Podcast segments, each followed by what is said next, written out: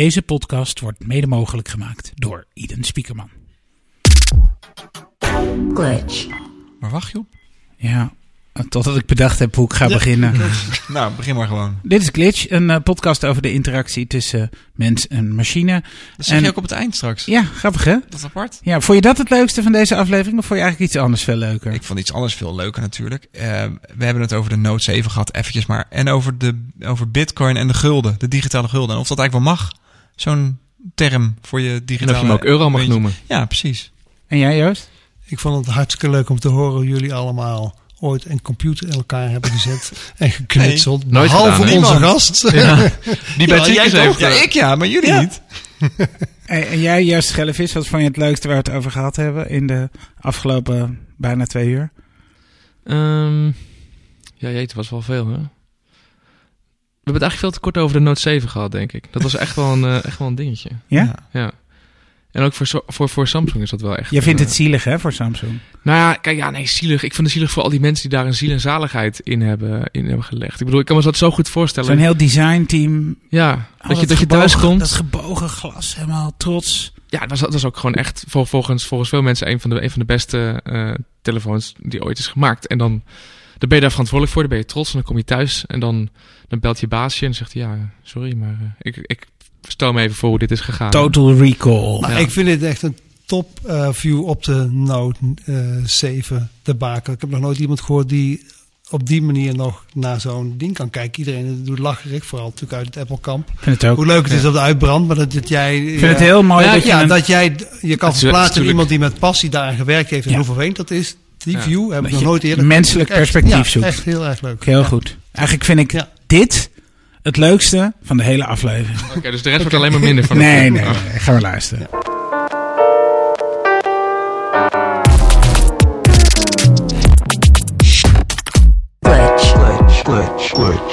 Glitch. Onze gast van vanavond eh, werkte voor de VPRO, schreef als freelancer voor tweakers.net, e-mails en de nieuwe reporter en is sinds ongeveer een jaar redacteur bij de NOS, waar hij radio, tv en internetverhalen maakt over technologie en de maatschappij. Eigenlijk is hij een soort brug tussen de oude en nieuwe media.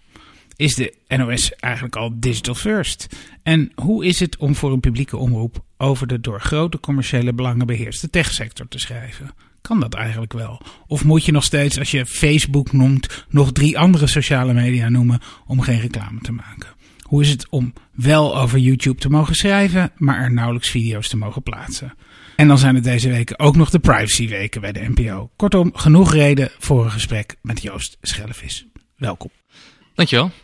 Ehm, zie je jezelf als een soort brug tussen oude en nieuwe media? Ehm, nou ja, nee, dat valt op, nee, dat valt op zich al mee hoor, eigenlijk. Nee, er gebeurt al, nou, niet om al te politiek correct te klinken, maar er gebeurt al heel veel eh, internet, wat je zei, digital first bij de NOS.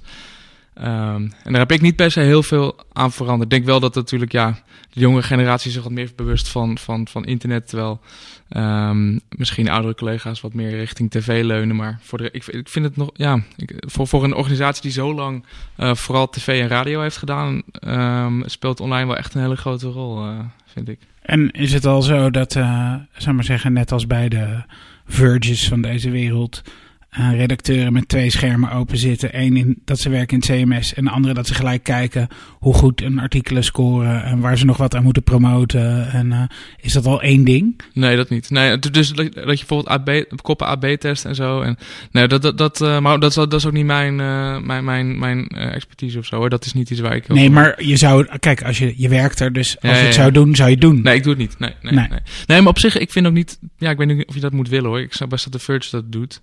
Uh, maar die, de Verge heeft natuurlijk als doel om zoveel mogelijk... Met, ja, nou, met alle respect, maar die moeten gewoon advertentieinkomsten krijgen natuurlijk. Dus heeft de NOS wat minder. Ook wel een beetje met de sterren en zo, maar wel minder natuurlijk dan, uh, dan de Verge. Uh, aan de andere kant zou je kunnen zeggen... Ja, als meer mensen een stuk lezen, dan... dan, dan komt het ook meer tot zijn recht dan wanneer, wanneer je een heel goed stuk over, over een belangrijk thema... dat het ongelezen blijft. Dat is ook, dat ook in het belang van, van mensen zelf, hè, dat ze interessante verhalen aanklikken.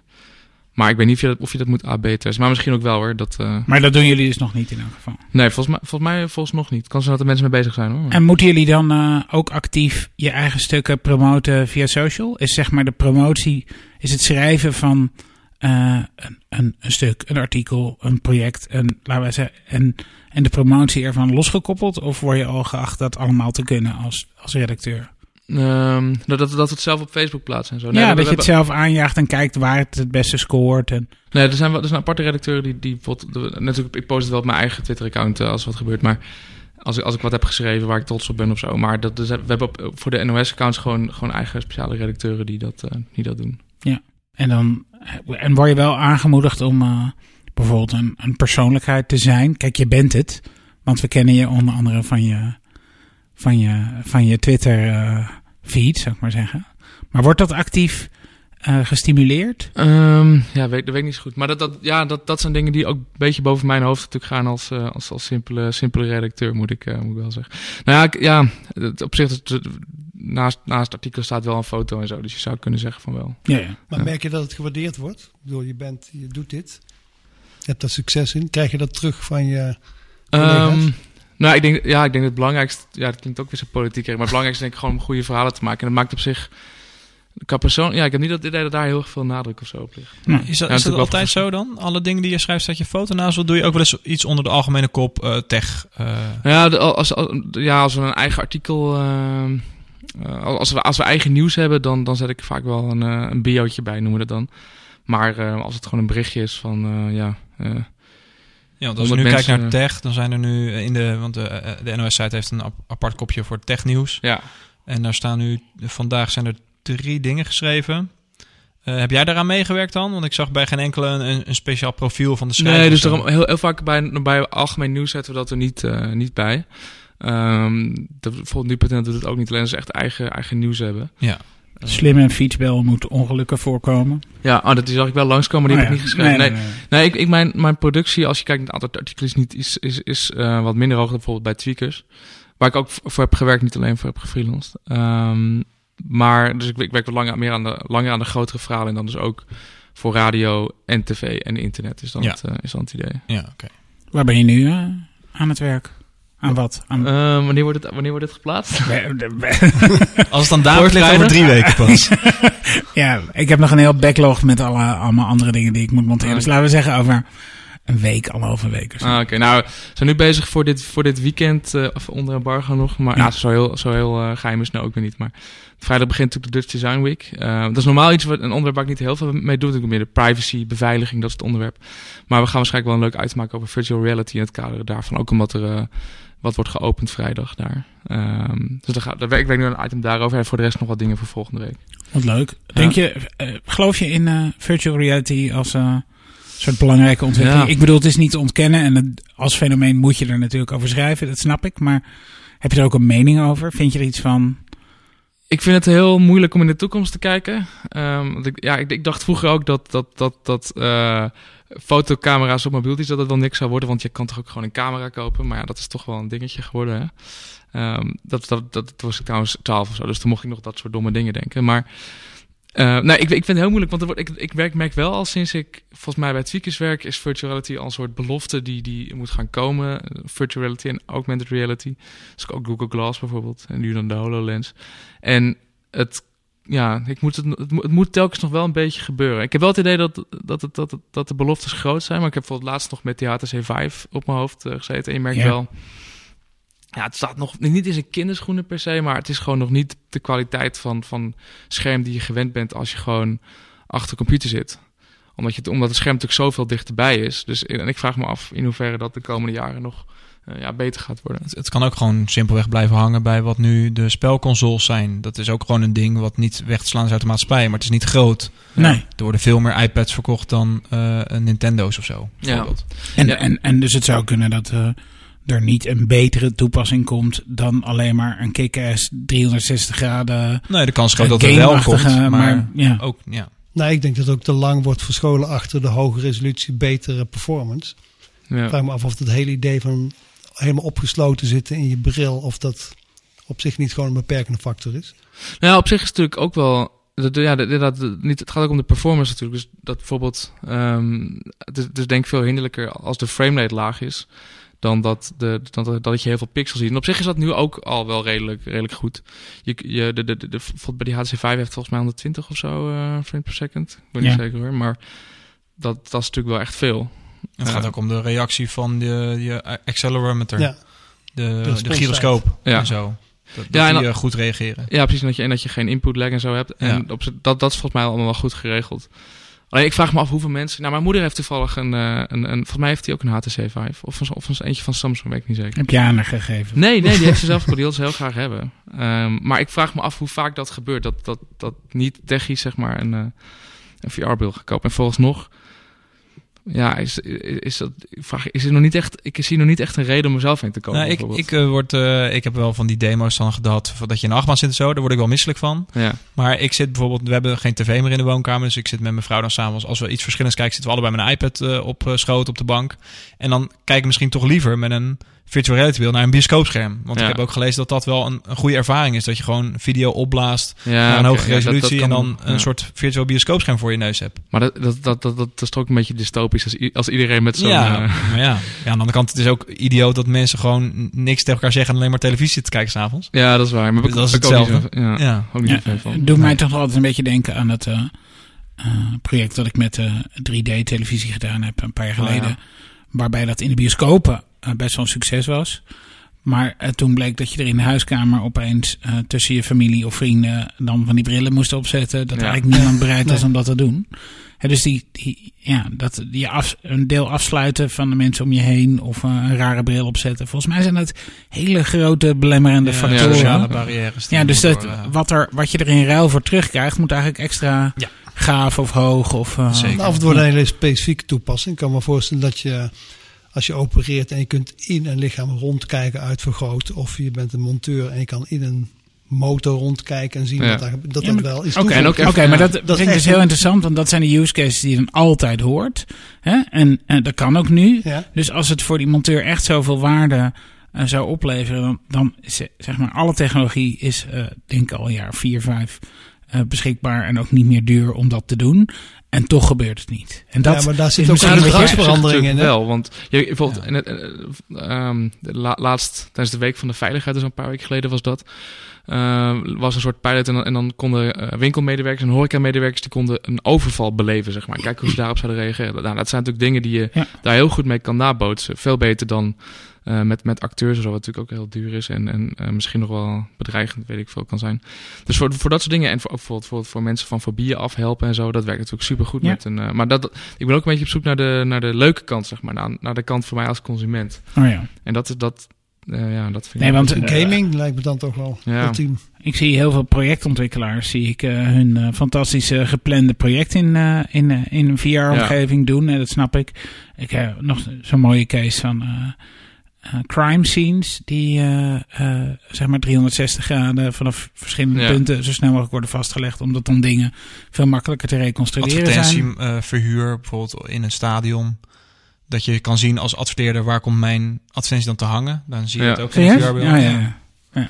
Ja, dat is natuurlijk wel, en dat, zijn- en dat zijn dingen die je natuurlijk veel minder goed kan, kan op een scherm kan laten zien. Dus Ja. da- daarvoor kan ik, Ja. zie, ik het nut, zie ik het nut ook wel in. Alleen heeft iedereen straks een, eh, zo'n ding in zijn, in zijn huiskamer liggen? Dat vraag ik me, dat vraag ik me. Ja, Misschien het lachen geval van die advertentie dan in een stadion, dan stuur je gewoon je business partners eh, zo'n eh, Google Cardboard op. Ja, en dan precies, stoppen ze ja. zelf een telefoon erin. Ja. En daar werkt het ook al prima mee. Ja, cardboard, ja, die heb ik wel ergens nog wel thuis liggen. Maar dat is dus ook... Cardboard is natuurlijk niet zo heel... eh, dat kartonnen dingetje waar je dan een telefoon doet. Dat is niet zo heel erg gebruiksvriendelijk. Maar tegelijkertijd wel een goede manier om even rond te kijken. Maar ik doe dat dus niet heel lang. Dat is, dat is Nee. denk ik 20 minuten leuk. Dus ik vraag me af hoe, le- hoe leuk zo'n zo'n echte bril is. Nou, misschien als je echt hele toffe games en zo kan spelen. Maar Hey, en hoe werkt dat eh, met jou als techjournalist? Krijg je dan, eh, er zullen wel eh, voortdurend allerhande PR-mensen bij jou aan de telefoon hangen van, eh, hey, wil je dit uitproberen? Hey, we sturen weer 30 dingen naar je op. Eh, ja, Wil je dat eh, testen? Wil je er in godsnaam over schrijven? ja, dat klopt wel. En, op zich- en dat is wel lastig, want we, we testen bijvoorbeeld niks. Bij Nee. de, ja, dat, bijvoorbeeld RTL doet dat wel. Maar eh, wij, wij, doen, wij doen geen reviews van telefoons bijvoorbeeld. Nee, daar is Nee. de VARA voor. Eh doen die dat? Een kassa. Oh ja, Kassa, natuurlijk. denk Ja, ik. ja, ja. Ja, consumentenrubriek. Ja, precies. Ja, en dat, dat, nou ja, dat, En die vergelijken dan Android met eh Ik niet. iOS-toestellen Ik, op... Kan. Ja, nou ja, oké. Ja. maar dat is iets wat wij niet... Maar ook bijvoorbeeld ehm, dingen voor, voor bedrijven of zo. Dus echt van eh, nieuws voor, voor bedrijven. Dat krijg ik ook best wel vaak. eh, ik kan niet snel een voorbeeld bedenken, maar ik krijg heel vaak toegestuurd. Dus nieuws dat vooral voor, voor, voor de zakenwereld interessant Ja. is. Maar dat is natuurlijk ook niet iets wat wij eh, doen. Dus ik heb ook heel veel... Ja, het is voor- soms wel lastig voor, voor PR-medewerkers om, eh, om, om precies in te schatten wat we wel en niet interessant vinden. Dus krijg je net heel veel dingen waar ik niks aan, eh, niks aan heb. Ehm, ja, dus het- ja, het zit wel redelijk vaak... eh, minder dan bij tweakers wel nog, heb ik het idee. Maar... ehm, ook omdat ik het e-mailadres natuurlijk nog geen, geen vijf jaar heb. Dat scheelt, eh, Ja, dat, dat snap ik. dat scheelt ook wel. Maar, ik- maar ik kan me voorstellen dat ehm, hè, in een wereld die he- heel snel gaat, maar ook waar veel op het spel staat, eh, dat verslaggeving daarover best lastig is. Ehm, ja, nou ja, de, bela- de belangen zijn natuurlijk ehm, best wel groot soms. Als, als de, de- ehm, bedrijven zo, zijn natuurlijk heel, ja, hoe moet ik het uitleggen? Ja, het is, het is soms, wel, soms wel lastig om, om te bepalen hoe je iets opschrijft, dat je dus eh, nou ja, de, de, de waarheid het meest trouw blijft, zeg maar. Mhm. Dat, dat, dat is, dingen zijn- vaak vooral heel ingewikkeld. Dus nou, laatst bijvoorbeeld met, eh, met, met, met Facebook, die, die waren aangeklaagd door, eh, door iemand die, die wilde dat een account waar zij naaktfoto's naartoe had gestuurd. Ja. En die zich als iemand anders voordeed, daarvan wilden ze weten wie erachter zat. Nou ja, ehm, hoe ze, en, en, en- maar Facebook zei ja, stap dan maar naar de rechter. Maar hoe, hoe, hoe- dat is zo'n ingewikkelde zaak. Waar begin je om dat Ja. verhaal... En dat, en dat dan in vijf alinea's of zo, weet je wel. Want Facebook zei niet van willen niet meewerken, maar wel we willen dat eerst dat de rechter zich erover buigt. Nou, Maar je bedoelde, dat was de, de, de foto van dat eh Vietnam, Vietnamese meisje. de, eh, ik weet niet of, het, of ze Vietnamees Die was. middelbare scholieren. Nee, de, dat was, uit, dat was weer een andere zaak. Eh, ook trouwens een hele ingewikkelde zaak. Oh, dat, nee, dat was weer een an- andere zaak. Maar om maar even aan te geven, inderdaad. Facebook is sowieso de laatste tijd ook heel vaak in het, eh, in het nieuws. Nee, maar dat Vietnamese meisje uit die foto van, van Kim Poek, toch? Ja, dat, eh, ja, ja. Dat was ook een interessante zaak, inderdaad. Ehm, en dan, ja, dat is En is dit dan nog technieuws? Hè, dus ik, ik, ik laat net zien, de Noorse Ja. krant eh, zegt na het verwijderen van Vietnam-foto Facebook misbruik macht. Eh, na het pu- publiceren van die iconische eh, foto van Kim Poek, eigenlijk het beeld van de Vietnamoorlog zoals we het kennen, wat door een Facebook-algoritme of door iemand eh, vervolgens offline wordt gehaald. ja, Is dat ja. technieuws? Gaat het dan over wat is de rol van Facebook? Of gaat het, is, zou, zou dit bij jou belanden? Ehm, ja, die heb ik daar niet aan meegewerkt. Maar dit, dit zijn wel... Ja, of het technisch is, weet ik Ik, ik, zoek, ik, ik maak wel wat meer de verhalen die op de maatschappijrand zitten. Zeg, maar de gevolgen voor privacy, beveiliging, eh, hackers, dat soort dingen. Dat zijn wel de verhalen die ik vooral, eh, vooral oppak. En dan, ik vind het juist ehm, heel interessant hoe die invloed van, zeg maar, de, wat, wat, wat twintig jaar geleden de kranten en de tv-zenders waren, dat, dat wordt ook steeds meer. Wat, dat zijn eigenlijk al gewoon Facebook en Twitter. En nou, Ja. in steeds mindere mate dan Twitter. Die natuurlijk een hele centrale rol als informatiewachter eh, t- ja, eh, hebben.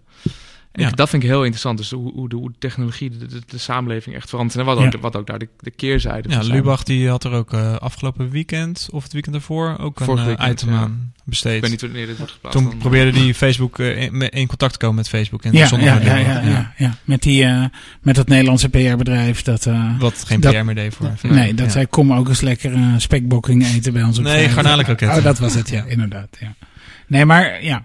Maar dat Ja. voorbeeld van dat, Chine, dat via de meeste mij die foto, die Vietnamfoto, die werd tegengehouden. Dat is toch precies de maatschappelijke gevolgen van, of mogelijke gevolgen van een partij als Facebook. Ja, zeker. Het, ja. bedoel, waar iedereen op de achterste poot staat, dat riekt natuurlijk naar ook politieke invloed. Dat kan achteraf ook anders eh, natuurlijk uitgevoerd hebben. Maar je ziet ook wat er gebeurt. Dat als je politieke motieven hebt om eh, in te grijpen in de social media, dat het enorme gevolgen kan hebben. Ja. Ja, en het lastige is natuurlijk, en op zich is Facebook als journalist nog wel bereikbaar hoor, maar het lastige is natuurlijk dat je als, al- ik snap wel het, het punt dat Dubach probeerde te maken. Als burger niet, Ja, hè? precies. Als, als ik het niet eens ben met, nou bijvoorbeeld laatst wat je met de Volkskrant had, die foto van, de- van de jongen bij Schiphol. Als ik het daar niet mee eens ben, als ik me onheus bejegend voel door, door, door Wat, leg het eens uit, wat was er met de Volkskrant? Nou, zo, zo, er, er waren toen extra controles bij Schiphol. Ja. En daar was een, eh, eh, een, een jongen met een Arabisch uiterlijk werd aangehouden door de uh, Marseillais.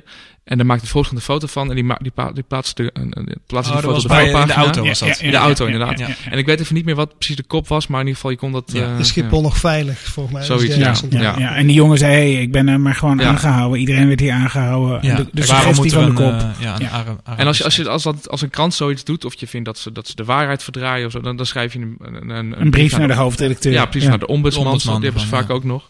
En dan, dan schrijf je daar een, een stukje over als, dat, eh, als het inderdaad onjuist is. Maar bij Facebook kan dat natuurlijk niet. Je kunt wel bezwaar maken en zo, maar het is allemaal veel abstracter. Je krijgt niet iemand aan de lijn die je daarmee helpt. Dus dat is, dat is natuurlijk wel, nou ja, voor, voor een bedrijf dat zoveel invloed heeft op de, onze informatievoorziening, is dat natuurlijk wel eh, even wennen natuurlijk. Ja. Ook omdat, het- omdat het een bedrijf is dat grotendeels eh, buiten Nederland zit. Heb je zelf Facebook? Ja. En wringt dat een beetje? Nou ja, ehm, ja, Facebook, geen Facebook hebben zou natuurlijk super onpraktisch zijn. Maar ik vind, ik vind ook niet per se dat dat dat dat, dat, eh, dat ehm, ja. Het gaat niet om Facebook als Facebook.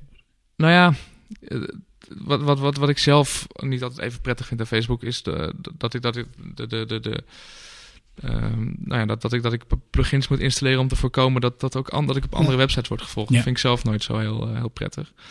Ehm, voor, de, voor de rest moeten mensen maar, natuurlijk maar zelf weten of ze Facebook gebruiken. En het is natuurlijk, maar het lastige is natuurlijk dat je niet echt een vrije keuze hebt. Want al mijn vrienden zitten op Facebook. Ik ken, ik ken misschien twee mensen, drie mensen zonder Facebook. Mijn hele familie zit op Facebook, oom, ooms, tantes, iedereen. Dus eh, om daar uit te stappen, dat is natuurlijk nogal, een- nogal een ding. Alsof ik kan je het je, uit een ik kan het gemeenschap... je aanraden. Heb je het gedaan? Ja. Heb je, geen, heb je niet dat je feestjes mist of zo? Of, Nee. eh, nee? nee David mist sowieso geen feestje. Nee. Ik heb toch geen vrienden. Nee hoor, nee, maar, nee, maar nee, maar het, het was even eh, ontwennen en eigenlijk daarna Ja. heel prettig. Nou, ik moet wel zeggen dat ik niet zo vaak... Wat ik, wat ik zeg maar een paar jaar geleden nog wel deed... was Facebook-app openen en dan gewoon scrollen, weet je wel. Een beetje... Ja. Daar ben ik mee gestopt. Ik heb een tijdje de Facebook-app van mijn telefoon gehaald. Maar dat dus meer omdat ik gewoon niet wilde dat ik de dag... als een soort verveling dat ik dan Facebook-updates ging scrollen. En inmiddels doe ik dat eigenlijk bijna nooit meer. Kijk, heel af en toe kijk ik nog, maar...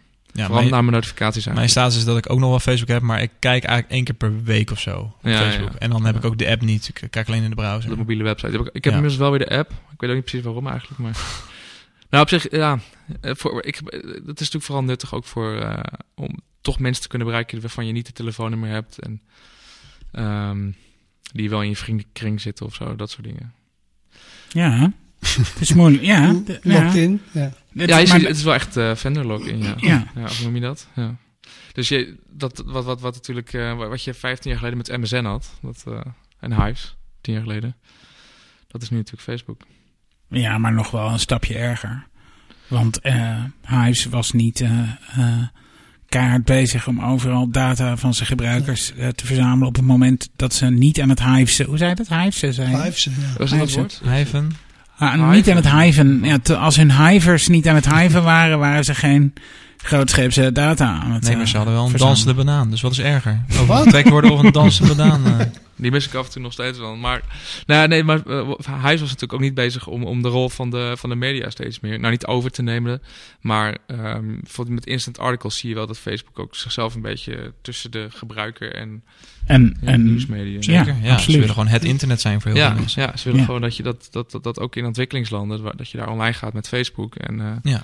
Dat dat een soort AOL is waar je in rond kan, rond kan surfen. nou ja, Ja, CompuServe had je vroeger. Ja, Ja. of CompuServe inderdaad. Ja, Dat was, het, Nooit dat was geen echt internet. Het was CompuServe internet. En het Ja. net had het ook even een tijdje volgens Ja, ja, ja, ja. En dan had je een hetnet e-mailadres en die konden niet e-mailen met mensen die niet... Of, nou, eerst niet, Dat dan moest je extra niet. Ja. betalen. Dan moest je het plusabonnement nemen en dan kon je... Nou, nu gelukkig hebben we nu netneutraliteit. Ja.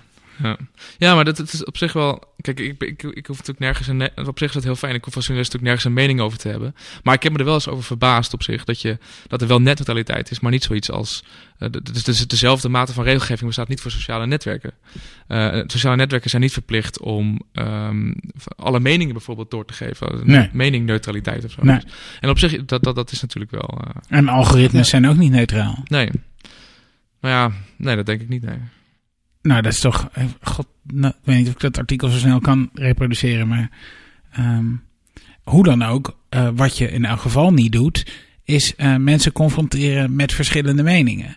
Dus het Facebook-algoritme heeft de neiging om mensen te confronteren met de dingen die ze al kennen en zich te bevestigen.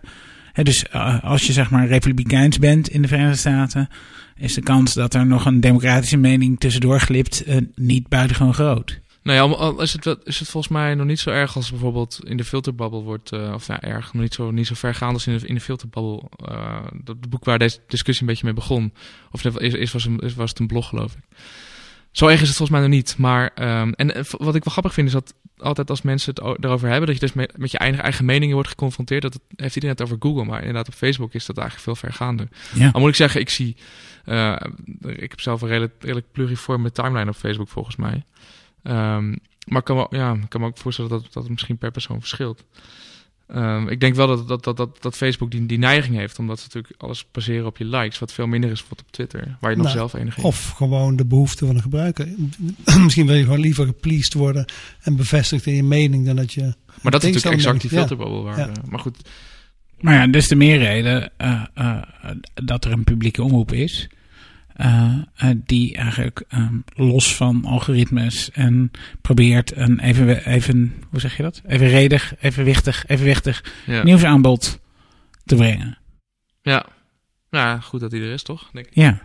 Merk je daar een groot verschil tussen nu? Tussen bijvoorbeeld je tijd bij Tweakers en bij de NOS? Qua wat je schrijft of waar je over schrijft? Ja, qua onderwerp natuurlijk wel. Het moet echt naar de, en dat, dat is wel, het moet voor een algemeen publiek interessant zijn. Dat klinkt het als een open deur, maar dat, dat, daar moest ik echt wel even aan wennen. Bijvoorbeeld, eh, ik, ik was op de CCC twee jaar geleden, een hackersconferentie. Dat is in Berlijn of zo? Hamburg. Duitsland? Ja, Hamburg. Ja, ik was eerst in Berlijn inderdaad. Oké. En ehm, daar, daar, daar schreef ik een stukje, het was nog voor Tweakers dus, toen schreef ik een stukje over een, een, een, een lek in een database module van Perl.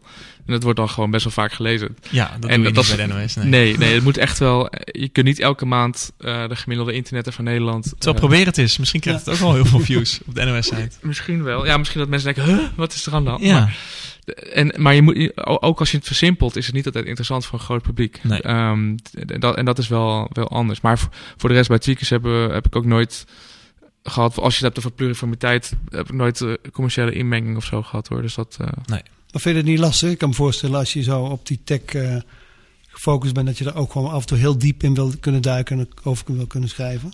Ja, dat, dat, dat wel. Want ik was, waar was, waar was dat nou? Ik was een paar weken geleden op een, eh, op een eventje en daar was een, ook een talk over een hele technische hack. En dat vind ik, ik, vond, ik vind het wel echt leuk om daar echt in te, in te duiken en dat te ontrafelen en dat dan uit te leggen. En dat, Hoe, hoe hands-on ben je zelf? Even eh, voor een... eh, ik heb, nou ja, bij, bij Tweakers wordt wel vaak, werd, werd, ik wel, wel, wel vaak de grap gemaakt van Joost heeft nog nooit een computer in elkaar gezet. Mhm. En dat is nog tot, tot op de dag van vandaag waar. Maar ik heb nog nooit die aandrang gevoeld om dat te doen. Ik vind dat echt niet, dat is niet mijn ding, zeg maar. Ik ben, ik ben ehm, maar bijvoorbeeld qua, qua eh, software vind ik het wel leuk om een beetje te knutselen, te programmeren en te... Dat kun je ook al. eh, nou ja, ik, ik ben wel echt een, een beetje een ranzige programmeur. Ja. Script kiddie. Ja, wellicht. Ja. copy-paste. Ja, nou, nee, niet kopie. Ja, ook wel. Dus ik, ik, eh, ik, ik leun ook wel op, op, op, op, als ik een beetje rondkijk, op, op tips van anderen en zo. Als ik wat moet bouwen. Ehm, maar het is wel handig om als je als journalist een vraagstuk hebt, om daar iets bij te kunnen, te kunnen bedenken. Bijvoorbeeld met het Oekraïne-referendum afgelopen maart. Zochten we een manier om verschillende peilingen in één overzicht onder elkaar te brengen. Omdat al die peilingen eh, heel erg van mening, of ja, niet van mening, van, van vraagstelling verschilden. Verschilden, Ja, dus ja. de een had, ben je het eens of oneens met het associatieverdrag met Oekraïne? De ander had ehm, sterk oneens, eh, oneens, eh, zeer eens, weet je wel. En dat wilden we in één overzicht doen. Dus heb ik een toeltje gebouwd waarmee redacteuren dat dan, zonder dat, dat ik dat telkens hoefde te doen bijvoorbeeld. Dat redacteuren dat zelf konden invullen en dat er dan werd er dan een iframepje van gemaakt en dat kon in het artikel. Nou, het is heel handig als je dat kunt doen als journalist. Dus dat is wel... eh, Ja, want je vertelt fijn. niet alleen een verhaal in tekst, maar af en toe ook gewoon in een interactief Ja. eh, dingetje. Ja, al doe ik dat niet op... eh, dat is niet mijn, mijn, mijn, mijn, mijn, eh, baan of zo. Dus dat is niet iets wat ik wekelijks doe. Nee. Maar het is wel nuttig dat als je een keer wat... eh, of bijvoorbeeld, oh, ik was ook bezig met een item over, over het Oekraïne... Want ik heb ook aan het Oekraïne-referendum eh, meegewerkt aan de verslaggeving daarvan. En toen wilde ik eh, bekijken of de invloed...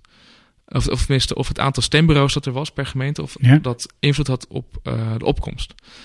En dat was natuurlijk heel veel, heel veel data. En het is handig als je het ook af en toe met een beetje programmeren kunt samenvoegen. Bijvoorbeeld, ik had een, op een gegeven moment 393 CSV'tjes. Met daarin de eh, aantal kiesgerechtigden per gemeente. En dat, ja, dat wil je natuurlijk niet handmatig samenvoegen. Dus daar heb ik, daar heb ik gewoon eh, een heel PHP-scriptje van Ja. gemaakt. Dat, dat, dat al die bestanden afliep en dat vervolgens in een, één mooie CSV eh, deed. Ja. Nou, dat is natuurlijk wel, wel handig. Heb, heb jij wel eens een computer in elkaar gezet, David? Hmm.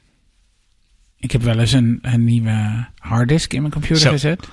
Ah, dat heb ik ook eens gedaan. Gehe- geheugen, ja. Maar echt gewoon een kast kopen, een Helemaal moederbord leeg, kopen, een Nee, videokaart en, kopen, en ik zou je geluidskaart. Nee, Nee? ik heb nee, want eh, ik ben eh, ik kocht in 1908 of 89 eh, mijn eerste computer en dat was een Mac Plus. Ah.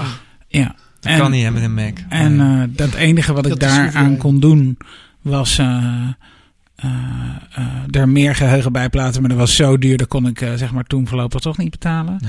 Wat ik wel deed is eh, eh, Windows apparatuur met illegale drivers aan eh, Macs hangen. Want dat was toen nog best wel lastig. Dus dat moest je soms... eh, maar dat, dat was dan meer eh, het internet eh, eh, afstruinen op zoek naar de goede driver.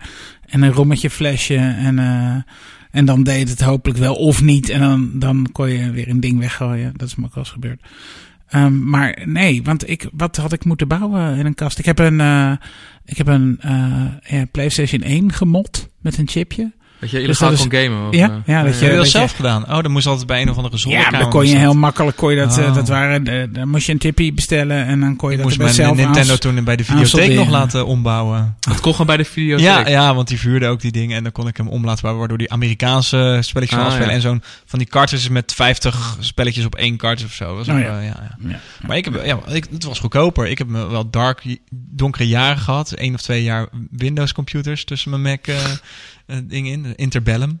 Ja. En daar heb ik wel zelf computers in elkaar gezet. En ook nog wel gekloot met twee, video, of twee audiokaarten. Waardoor ik dan... Ik wilde eigenlijk een soort mixer hebben. En dan twee audiokaarten. Want ik had wel... Had je Winamp. Sound Blaster?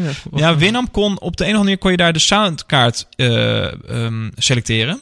Dus als je er twee in je computer had, dan kon je bij de... En je kon twee Winamp schermpjes eh, openzetten. Dus kon je op de ene kon je de ene soundkaart aan, aansturen. En de andere de andere soundkaart aansturen. En dan kon je gewoon mixen. dus kon ik DJ'en. DJ op één computer. Maar dat heb ik nooit aan de praat gekregen. Want op de een of andere manier werkte het toch niet dat Tro- die... Trok die harder stelt of trok die software? Ik, waarschijnlijk dan? de processor niet of zo. Ik heb geen idee waarom het niet werkte. Maar ik ging steeds terug naar die computerwinkel om die audiokaart weer in te leveren. En dan twee weken later dacht ik, ah, voor mij kan het toch wel. En dan kocht ik toch weer een Ah, audiokaart en dan bracht ik hem weer terug. Ik heb wel ooit aan de praat gekregen op mijn... eh, ik- nou, dat was echt wel... Ik weet niet eens meer wat voor per se dat was.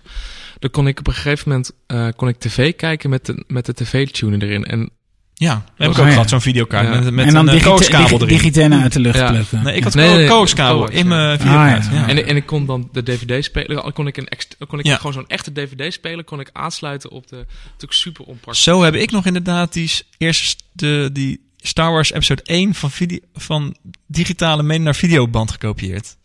Twee videobanden had je nodig. Nice. En dat was inderdaad door die videokaart. Nou weet ik weer waarom, hoe ik dat kon. De videokaart met coax uitgang. Ja. Ja. Hey, en eh, eh, eh, En ingang. dingen als Raspberry Pi's, telt dat? nee, dat, Nee, dat telt doe ik niet. Maar dat is niet, ja, dat, ik doe dat niet meer. Dat zelf knutselen met Oh, ja. computers. Nee. Ik heb nog wel twee Raspberry Pi's liggen, maar ik mis een beetje wat ik er nu mee, mee moet doen. Zeg maar. Ik ook. Had een- eentje was mijn DNS-server. Ik, had, ik dacht, ik ga een eigen DNS-server in mijn netwerk zetten.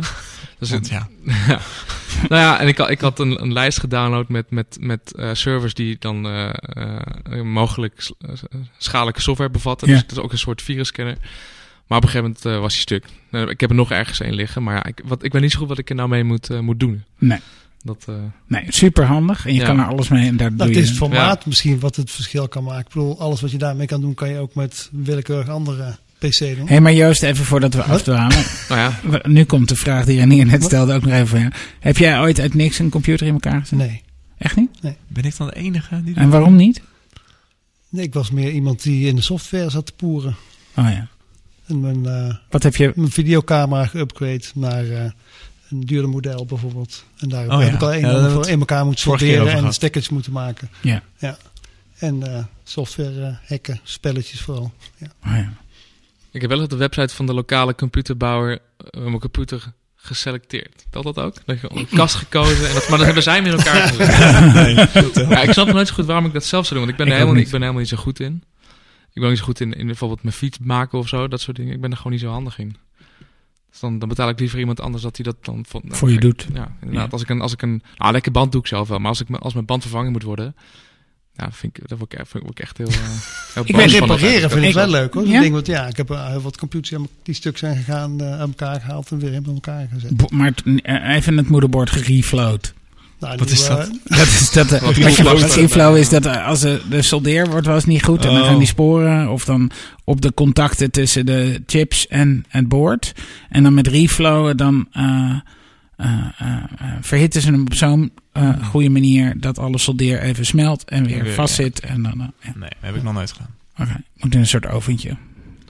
Ja. Maar Tweakers was wel echt een, echt een, eh, een kamer waar dus de hele dag eh, aparte, of aparte videokaarten staan te zoomen die dan worden gebenchmarkt. Dat is op zich wel... Als ik daar kwam, dan voelde ik me altijd wel een beetje schuldig dat ik daar ook werkte en gewoon... Dat niet. Nee, dat niet deed. Ja. Nou ja. Over, over een beetje homebrew zelf in elkaar zetten. Heb je ook wel eens bitcoins gemined? Nee, en ik heb daar wel... Ik weet nog dat ik eh, in 2009 liep ik de stage bij de VPRO en daar lag een keer de Bright op tafel. En er stond iets over... Volgens mij, ik weet niet of het... Ja, volgens mij was het 2009. En daar stond iets in over de bitcoin, als ik me goed herinner. Ja. En ik, en ik las- 2009? Of, volgens mij was het ik 2009. denk dat het was 2011. Dan Maar- haal ik twee verhalen door elkaar. Maar ik las in ieder geval in een heel vroeg stadium over de bitcoin. En ik dacht, ah, dat zal wel niks worden. Maar ik had toen natuurlijk als een gek moeten gaan minen. ja, En dan had ik me hier naartoe laten rijden. In mijn- 2009 inderdaad. Is Maar het, door, eh, Satoshi, het is toch, eh, het is toch ook niks geworden, de bitcoin? Nou, wel. Nog Nou ja, steeds. als, eh, als je toen echt fanatiek was gaan minen, dan had je nu... eh, Ja, je kon makkelijk toen Ja. op een computertje duizenden bitcoins minen. ja. Toen kon dat nog. Toen was Ik dat- ken ook wel mensen die er daar gewoon echt heel veel geld aan, aan over hebben gehouden. En Maar ik met... heel veel, is dat er duizend, tienduizend of 10.000, honderdduizend? Ja, ja, er zijn ook mensen miljonair van geworden. Die mensen ken ik niet. Die, zijn, die, zijn, die, die, die wonen nu echt op een eiland of zo. Maar, eh, nee, maar eh, ja, als je daar op tijd bij bent, dan kun je daar wel eh, goed geld En mee eh, verdienen. de gulden nu? De, de digitale munt gulden? Ja, De gulden minen. Ja, dat is nu ineens een hype of zo. Die, die Ja. stijgt heel erg in waarde. En dat is, dat is echt een piramidespel. Hm. Want die mensen die er begonnen zijn, die verkopen dat via hun eigen site. ja. Dus die hebben zelf eerst Ja. heel veel gemined. Iedereen kan zo'n blockchain natuurlijk starten. Die hebben zelf heel veel gemined volgens mij. En die verkopen nu dat voorraadje wat ze hebben gemined gewoon voor de koers die het op dat moment heeft. Maar die koers wordt bepaald door wat zij verkopen. Het is een heel vage constructie. En, eh, allemaal op de vleugels van een soort oud-Hollands sentiment. Ja, eh, ja en er zijn voor mij een paar eh, blockchains die gulden heet. Want En mag dat? Iedereen mag zijn blockchain eh, Maar je mag ja. volgens, eh, zou, je kan toch niet zomaar alles een gulden Oh, je noemen? bedoelt de, de naam gulden? Ja, zou niet, eh, zou niet, eh, zou niet soort... eh, Ik weet het niet. ja, maar ik denk niet dat Misschien Nederlandse dat. Het recht op het gebruik van de naam gulden... Ik vind het een goed idee. Ik ga nu een blockchain starten die heet Euro. Euro's kopen. Ja, twee voor de prijs van één. Maar die heb je niet, gulden. ja ik, ik, ben, eh, ik heb vanmiddag wat gekocht, maar... Oh. maar eh, Ja, wel tussen ook nu pas in de, Ja, zeg maar, de ja, hype ja, omhoog. ja, Ja, ja, ja. Ik dacht altijd, van, hè? Laat maar Ook gaan. Ethereum, veel te laat. En, Ja, die ben ik kwijt, Ethereum. oh, ik heb daar wel met Ethereum heb ik nog heb ik kwijt. Ben je toch, Nou, ik, ik had dus ook geïnvesteerd in de Oh, DAO. Heb ik het een paar afleveringen geleden over gehad. En ik heb Ah. het maar laten gaan. Want ik moest forken. En dat was... Ik moest eerst weet ik hoeveel gigabyte binnenhalen. We hebben er heel veel mooie en chips. dat lukte me niet. En ik, maar een paar ook echt in. zelf minen. Nee, ik heb... eh, Nee, niet echt mijne, maar het stond wel lokaal op mijn computer, die Ah, Ethereum. ja, Dus ja. ik had wel een wallet draaien. Nee, ik, ik heb het op een gegeven moment wel verkocht, maar echt een heel, heel bescheiden winstje waar je dan wel één een keer... bitcoin. eh, ja. Bitcoin heb ik... Nog één? Ik heb wel nog ook... Ik heb Ja, Dogecoin nog gekocht, ook Ja. veel te laat. Litecoin, veel te laat. Ze werden, werden volgens ook nog gejat, want toen was de, de wallet gehackt, weet je wel. Oh.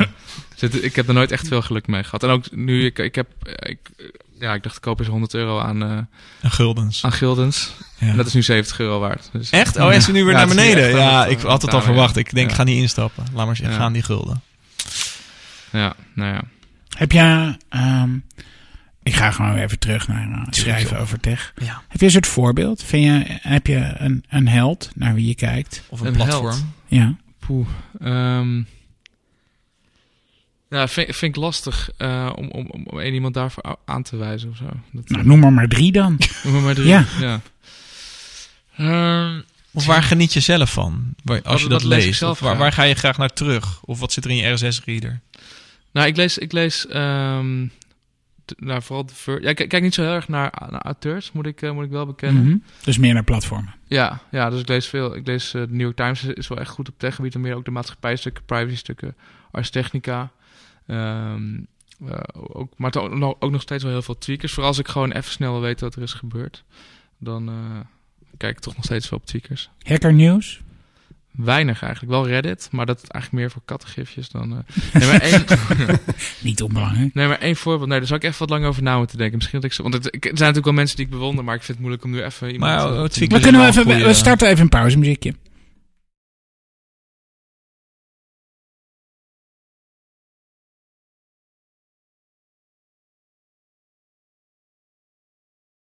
Maar eh, eh, vind je echt moeilijk? Lees je niet eh, iemand als Walt Mossberg? Zeg je dat wat? Ja, ja, die ken ik wel. Nee, maar in, in- vind je dat ook wat? Of zeg je dat is een oude knaar die doet het niet goed? Of, eh, Ik, ik heb weinig. Ja, nou, ik, ik kan bij hem even, even niks heel. Maar bijvoorbeeld.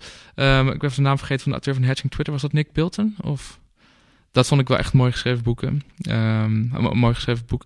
Nee, maar ik, ja, één voorbeeld nee, vind ik moeilijk om nu even te noemen, eerlijk gezegd.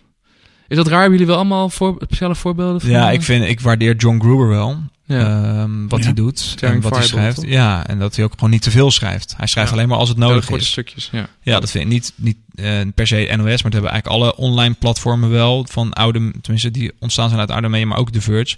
Ze publiceren gewoon elke dag heel veel, Ja. ongeacht of er nou veel gebeurd is in de wereld of niet. Dat vind Ja, ik af en toe ja. een beetje lastig als lezer. Van, ja. ik wil gewoon weten als er iets gebeurd is wat belangrijk is. En niet alleen maar gewoon onzin omdat het blog maar gevuld moet worden.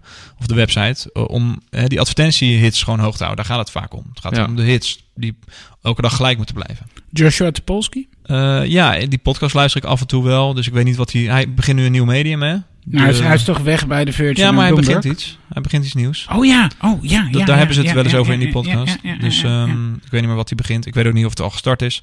Dat, ben ik wel, dat vind ik wel interessant. Want hij Ja. is ook The Verge begonnen, toch? Ja. Eh, dus- Ja, ja. Maar The Verge vind ik ook niet... gaat toen bij Engadget, geloof ik. Ja. Maar als ik er wat langer over na heb mogen denken... Ja. Je? Het helpt, hè, zo'n muziekje. Ja, dat, dat helpt wel, ja. Ja. Nou, ik, ik vind bijvoorbeeld de, de- wat Maurits Martijn en de Mieter Metsus eh hebben gedaan, vind ik wel echt... Dat, dat Dat die boek over privacy. bevat. Ja, ja. Nou, ik moet wel bekennen dat ik dat boek nog moet lezen. Ik heb Ja. hem wel liggen, maar... ehm, ik heb het al gelezen.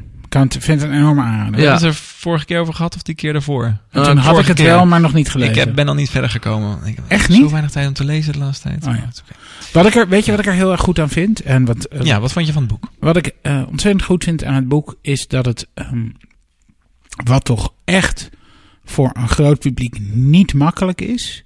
Hè, want het, het, bedoel, eh, het is soms heel technisch om eh, te begrijpen hoe dat allemaal werkt en wat en wat gelinkt is. En data is een van de meest abstracte begrippen, dus probeer dat maar eens tastbaar te maken. En eh, eh, probeer maar eens zonder te verdwalen gedetaille- gedetailleerd over privacy als fenomeen schrijven. is allemaal heel lastig en dat is ontzettend goed gelukt. Ja. Wat ik ook goed vind is dat het ehm, een kritisch boek is, maar niet activistisch. Dus, eh, Eh, maar ik, soms vind ik het wel een beetje, nou, tenminste de, de artikelen wel eh, op de grens van activistisch. Wat op zich een, een vorm is, hè? ik bedoel, dat is, dat is niet per se slecht, maar er Nou, zit wel, er ik- zit wel ik een vind, zekere... ik, vind het, ik vind het in de zin van... wat kun je eraan doen om niet afhankelijk te zijn... of Ja. je er niet aan over te hoeven leveren. Dus dat, er, dat ze ook een soort van toolkit hebben... eh, eh, die bij het boek bijgeleverd met dingen die je zelf Ja, kan ja, doen ja. om je eigen, zou maar zeggen, data exhaust eh, een beetje tegen te gaan. Dat vind ik niet per se activistisch. Dat is meer hoe zorg je dat mensen zich, want dat zijn ook allemaal dingen waardoor mensen dat op een bewustere manier gaan doen. Ja. Nee, maar ook voor de titel van het boek. En dat is, dat is nogmaals, dat is niet iets wat, wat, wat ik slecht vind of zo. Hè, maar dat is gewoon ehm, nou, iets wat ik bijvoorbeeld niet zou kunnen doen natuurlijk.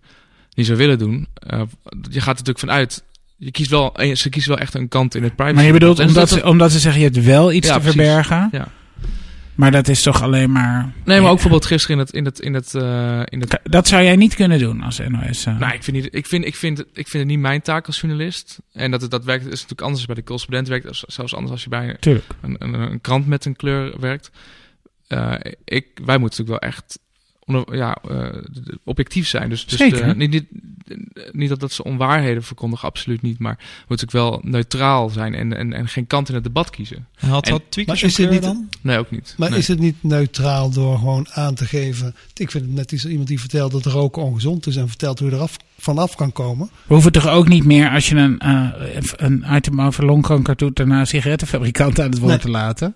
Het is Nou, uiteindelijk- nee, maar even Nee, om maar een soort extreem wel- ja, maar dat- voorbeeld van eh, Ja. neutraliteit. Eh, neutraliteit is niet per se altijd. Nee, ik vind, ik, ik, ik vind, nee, maar wat, wat, wat, wat, wat, ik, wat ik zelf het liefst doe, is, is de feiten melden. En dan mogen mensen daar zelf over oordelen. Ja. Eigenlijk. En, dat, en dat doen zij natuurlijk ook wel. Maar ik, ik, ik bedoel het ook niet per se als, als kritiek. Maar het is, ik vind het wel activistisch in de zin dat, dat er wel echt eh, op een debat wordt aangezwengeld. Ja. Ehm, en dat ook wel een beetje in een bepaalde richting wordt, wordt, eh wordt. En misschien is dat ook wel nodig hoor. Want we, Nederlanders kunnen natuurlijk behoorlijk naïef zijn over Ja. privacy. Ik bedoel, ik, ik hoor zelf nog regelmatig eh, de frase: Ik heb toch niks te verbergen. Nou dat is, dat is een dooddoen natuurlijk waar je mee in één keer dat debat doodslaat. Dus het is goed dat, dat, er, dat, er, dat het wordt aangezwengeld. Maar Ja. het, ja, het- ik vind het wel, nou niet activistisch misschien per se, maar...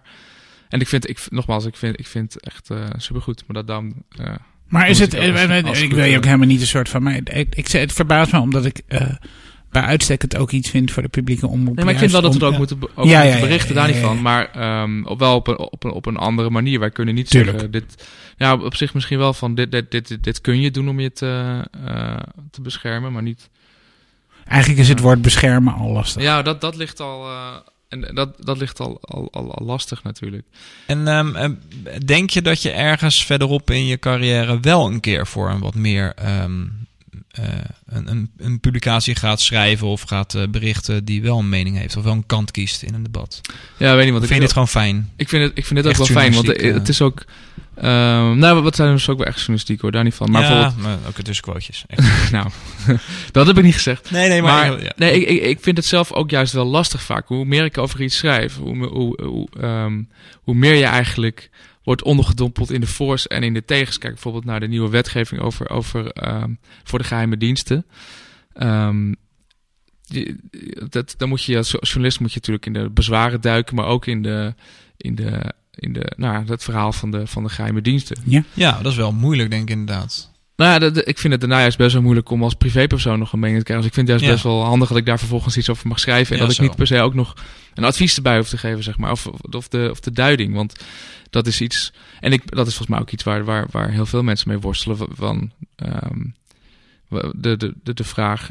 En dat, het wordt ook wel een valse tegenstelling genoemd. Hè? Als mensen vragen hoeveel privacy wil je opgeven voor veiligheid, wordt het vaak gezien als een valse tegenstelling. Maar tegelijkertijd is het natuurlijk wel ehm, misschien op een, op een iets, iets, iets subtiele manier. eh, Je bedoelt dat die dingen elkaar helemaal niet uitsluiten. Nee, niet, niet per se uitsluiten, maar het is natuurlijk wel een debat dat nu speelt. Er, er, er komt, er komt nieuwe wetgeving aan die de geheime diensten meer bevoegdheden geeft. Nou, de vraag is natuurlijk, willen we dat? Ehm, en dat, ja, dat is wel een belangrijk debat. Zeker. En we, ik las toevallig eh, een berichtje vandaag, een van de weinige dingen die ik gelezen heb, over dat eh, eh, eh, Amerikaanse eh, politieagenten hadden bij een inval hadden ze een warrant gebruikt. en, en daarin konden ze mensen dwingen. Ja, dat, en, hoe noemen we dat? Een Gerechtelijk huiszoekings bevel. Ja. En die ze de toestemming geeft om iemands huis te doorzoeken. Maar er stond ook in dat ze eh, iemand mochten dwingen om zijn vingerafdruk af te geven om zijn elektronische apparatuur te openen. Ja. En dus dan, Ja. toen dacht ik, oeh, nou dan is een paswoord uit mijn hoofd halen misschien nog wel lastiger dan mijn vinger met Nou, geweld tegen een apparaat duwen. duim klemmen voor. Ja, ja. Ja, en, en- maar over dat soort dingen wordt natuurlijk in Nederland nu ook nagedacht. Er wordt bijvoorbeeld het, het wetboek van eh, strafvordering, waarin dit soort dingen geregeld zijn. En volgens mij zijn dit soort dingen volgens nog niet gebeurd in Nederland hoor. Ehm, maar dat, dat, dat, Gelukkig maar. nou, dat wordt ook herzien. En, en er is in Nederland Dat is zelfs jouw ook- mening. Maar Wat? ik vind daar niks van. Nee. Maar is dat niet lastig om, Oh, daar, gaan lekker hier. om daar dan neutraal over te schrijven? Kan je überhaupt Ehm, neutraal schrijven over zo'n onderwerp? Ja, ik denk, nou ja, kijk, ja, er- er er zijn mensen, er zijn heel veel mensen die zeggen objectiviteit bestaat niet. Ehm, het is natuurlijk wel altijd lastig zoeken. Je kunt het in ieder geval nastreven. Het is altijd lastig om natuurlijk om de goede woorden te, te vinden. En wa- Wat zet je in de eerste alinea, wat zet je in de tweede, wat zet je in de laatste? Zo, zet je het weerwoord in het begin? Of kies je ervoor om toch, nou, je moet, dat, is, dat is best wel lastig om dat op een, op een evenwichtige manier te doen. Eh, dus dat, dat, dat wel. Ja, maar ik denk ook dat het lastig is om, om, om eh, andere vormen van journalistiek te bestrijden. hoor, Daar niet van. Maar ehm, over, die, over die herziening van het wetboek van strafvordering. Ja, dat, dat, is, dat, dat zijn dingen die, die, waar- waarvan ik het juist belangrijk vind dat de publieke om op ze, ze ook aan het, aan het voetlicht eh, brengt. Ja, zeker. Ja. Ja. Of Want als zij het niet doen, wie dan wel? ja, nou, ik, ik merk wel dat er steeds meer media-aandacht is voor privacy. Ja, hè? Eh, ja, ook nu Ja. met die privacyweken op NPO, eh, NPO 3, daar doen wij dan niet zo heel veel mee verder. Maar bijvoorbeeld, bijvoorbeeld de AFRO gisteren, nou, dat, dat is natuurlijk wel... Dat is, dat is iets wat, wat, wat, wat, wat, wat heel moeilijk ehm Maar met is. de privacy. strijd tussen de twee grootste techbedrijven, of ongeveer de grootste techbedrijven, loopt over de as van privacy. De Apple en Eh, Google. Apple, ja, Google, ja. ja. Ja, is natuurlijk ook wel. Dat volgens mij nou, Apple is natuurlijk ook minder bedreven in eh, de, de, de, de machine learning en zo en Tuurlijk. de, de slimme algoritmes. Dat is Dat ook is een ook hele slimme positie. ja, om om dat dan vervolgens als uh, als. Direct, Ja. Ja, maar daar kunnen ze niet makkelijk van terugkomen. Dus ze hebben nu wel Nee, dat is waar. Een kant, kant gekozen waar ze niet zomaar vanaf kunnen. Er zijn het ook is- wel duidelijk en, het- en, het- en is ook nog iets, ik bedoel, eh, eh, niet omdat ik eh, Apple fanboy ben, wat ik ben, maar ehm, eh, je hebt ook niet van vandaag op morgen zo'n secure module in zo'n chip gebakken. Dit is natuurlijk dat- iets wat ze bij uitstek bedacht hebben en uitvoeren. En Al is Ja. Google ook wel echt goed in security hoor. Ik, eh, qua, qua beveiliging zou ik Google echt alles toevertrouwen. De, de- ze hebben hun, de beveiliging van hun systeem is wel echt gewoon goed. En ze waren ook heel, heel vroeg met bijvoorbeeld het aanbieden van two-factor authenticatie. Wat Zeker. waar Apple echt rijkelijk laat mee was bijvoorbeeld. Ja, maar het is ook niet in hun interest om jouw eh, Nee, precies, data maar dus- onveilig op te slaan. Het is Voor anderen. wel een heel, heel geanonimiseerd te verkopen. Maar of de- het wel Ja. inkijken. Ja, is ik, bizar. Maar dat, dat is weer Ja. de, andere, de andere kant. De beveiliging Ja. is heel goed, maar Google zelf kan er natuurlijk wel makkelijker bij Ja. dan, dan Apple. Kijk bijvoorbeeld naar Google Foto's, waar je foto's eerst worden geüpload. Ja. En bij, bij Apple kan dat ook wel, maar die bijvoorbeeld dat, dat analyseren dat gebeurt. Maar- op je Ja, device. precies. En vorig jaar hebben ze een heel stuk gehouden tijdens de keynote dat ze al- alle, als jij een route invult van A naar B in Apple Maps, dan knippen ze het zo op dat het twee geanonimiseerde datastreams zijn. Dus ze weten Ja. daar niet dat jij van punt A naar punt B bent gegaan. Ze weten alleen dat iemand punt A is vertrokken en naar punt B wilde gaan, Ja, maar niet ja. dat dat gekoppeld is. Dus Ja. op zich, ja, ze zijn daar echt wel letterlijk mee bezig door, om dat te anonimiseren. Ja, Dus niet dat ze dat niet kunnen, maar ze, ja, ze zijn er wel echt, ze doen echt wel extra stappen om dat waar te maken in hun eh, backend, denk ik. ja. Ja, en dat is natuurlijk wel... eh, Ja, Apple heeft... Ze zeggen ook wel, Apple verkoopt devices. Maar dat is natuurlijk... Dat nu, nu Google met die eigen Pixel-telefoons verdient, is dat ook wel weer... eh, Ja, die verkopen dus. Ze pakken dadelijk en een marge en ze verkopen je data. en, en diensten. Ja, Ja. ja, ja, ja. Want wat, jullie gebruiken allemaal iPhones? Of, eh? ja. Al is Joost al minder Apple-minded, denk ik, dan David en ik. Nou, Ik, roe- ik en Joost verzet zich harder. En ik moet zeggen, ik, dat, hele, eh, dat hele privacygevoel van Apple, ik kan het niet controleren en ik heb er heel weinig Dat vertrouwen is waar. Nou, ik kan niet controleren. Ik heb er wel vertrouwen in, maar En- ik kan niet. en- in. Ik niet, dat is en- puur. Mag ik Belofte. je nog even herinneren dat nog geen eh, uur geleden Joost zijn, eh, eh, hoe heet dat niet, macOS, hoe heette macOS voordat het macOS heette? Gewoon, ja, macOS 8. Oh, Zeven. 7. OS Zeven. 7. Uh, Toen je nog in een 7.6. emulator aan het demonstreren was, dus ik weet niet of Oh, hij minder... Ja, Ja, oké. Dus, ja. Maar, en, en waar- wilde je ergens naartoe? Van, Ja. Vroeg van, waarom, weet ik waar- ook niet meer. waarom Waarom- was je alle drie allemaal jullie iPhone alle drie nee, nee, ik was gewoon, ik was gewoon benieuwd. Ik was Ja. gewoon In welk kamp zit je? Ja. Ja, ja, precies. Nou, ik gebruik tegenwoordig ook een iPhone hoor. Dus eh, ze zijn Ja. allemaal, allemaal broeders. Maar, eh, Als Ja. kon je ook niet binnenkomen. Nou, behalve de noti- notificaties vind je niet zo fijn. Nee, nee, ik ben wel echt. Nee, dat, dat, maar daar erg ik me elke dag meer aan eigenlijk. Ja. Aan notificaties. Aan de notificaties van, van iOS. Ja. dat, dat, dat die is kan je uitzetten, heel makkelijk. Nee, nee, maar ik wil ze niet uitzetten. Maar op, op, bijvoorbeeld op Android vind ik Ja. het altijd veel makkelijker om Dus bij te minder houden. obtrusive komen ze binnen ook. Ja, en tegelijkertijd blijft bovenin het icoontje staan. Dus ik weet wat ik nog moet doen. En ik Ja. kan in één keer gewoon een hele app eh wegswipen. Als dat ook niet altijd meer zo trouwens. Maar je kunt gewoon in één keer alle WhatsApp-notificaties wegswipen. Want ja, WhatsApp check ik toch wel. Dus dat, dat wil ik, dat, dat, dat, daar wil ik, ja, ik wil er wel notificaties van hebben. Maar ik wil, ze, ik, wil ze, ik wil er relatief makkelijk van afkomen. Hetzelfde geldt voor Telegram bijvoorbeeld. En, eh, maar ik wil niet dat apps die ik minder vaak gebruik. Dat, en ik, ik mis op iOS mis ik daar heel vaak notificaties van. Ik, bedoel, ik, ik, ik, eh, ik gebruik jullie ook Signal, een beveiligde messaging app. Ik, Nee. ik gebruik die minder vaak dan, dan, dan andere chat apps, maar met sommige mensen wel. En ik mis daar heel vaak notificaties van, omdat ik die gewoon niet zo heel vaak gebruik. Veel minder vaak dan. eh, Moet je als journalist geen, sowieso niet beveiligde kanalen gebruiken? nou ja, eh, al- als, je, als je met bronnen communiceert of zo, natuurlijk sowieso. Ja, ja. Dan staat er buiten in de regen in een lange regenjas eh, in een parkeerplaats. Een USB-stick van iemand anders. Nee, ik zag op jouw site een PGB-code staan. Dus dat- ja, die, Ja. die is hartstikke eh nee, klopt ja. Nou ja, encrypt ehm, en alles. het beste Maar, is natuurlijk... We weten, dat vind ik wel interessant, hè? Hoe weten eh, journalisten hoe ze dat moeten doen? Hebben jullie daar bij de NOS, hebben jullie het daarover? Leer je ze dat? Eh, eh, is het algemeen bekend? Weet iedereen hoe je... Ehm, nou ja, we hebben, we hebben laatst een crypto-party gehouden. Ik en Xander Bouwman. Ehm, we hebben daar een crypto-party gegeven aan collega's van hoe kan je veilig communiceren. Willen we binnenkort ook op grotere schaal gaan doen. Ehm, maar dat is natuurlijk wel iets waar veel mensen mee worstelen. Bijvoorbeeld PGP. Ja, Dat is, dat, is echt, dat is dus een manier om beveiligd te communiceren. En dat gaat als een. Dat moet je eigenlijk zelf opzetten. Dus bij WhatsApp gebeurt het allemaal onder de radar. Of niet onder de radar, maar het gebeurt buiten jouw zicht. Maar bij PGP ben je zelf verantwoordelijk voor het instellen daarvan. Ja. En de eerste keer dat ik dat deed, was het ook wel worstelen hoor. Dat je, je, moet, je, moet, je hebt dan een, een privé-sleutel. En die moet je, ja, op zich is het heel logisch, maar die moet je privé gebruiken, privé houden. Je publieke sleutel mag je aan die moet je die moet je publiceren. publiceren, maar je hebt dan weer andermans publieke sleutel nodig. Ja. Om een, eh, en bedoel, dat, dat is iets waar heel veel mensen mee worstelen. En ook bedrijven, bijvoorbeeld Yahoo heeft een keer per ongeluk zijn eigen privésleutel eh, gepubliceerd. Ja. Waardoor iedereen zijn software kon het ondertekenen als- alsof hij afkomstig was van Yahoo. Nou, heeft Yahoo natuurlijk de laatste tijd nogal meer... eh, Domme dingen. maar Nou ja, dat is natuurlijk, dat, is, dat, is, dat, dat zijn dingen, als zelfs Yahoo daarmee mee worstelt, waar echt wel ook, ook wel goede... Gewoon, gewoon Ja, goede heel veel mensen weten niet eens hoe ze VPN... eh, gewoon eh, Nee. een simpele app op Nee. iOS kan je gewoon VPN installeren. Ja. Tenminste, ook, kan je en, en zelfs dan bijvoorbeeld een goede VPN is dan ook nog wel Ja. een, eh, Ja. dus echt, eh, een VPN die, die ook niet kan worden geblokkeerd.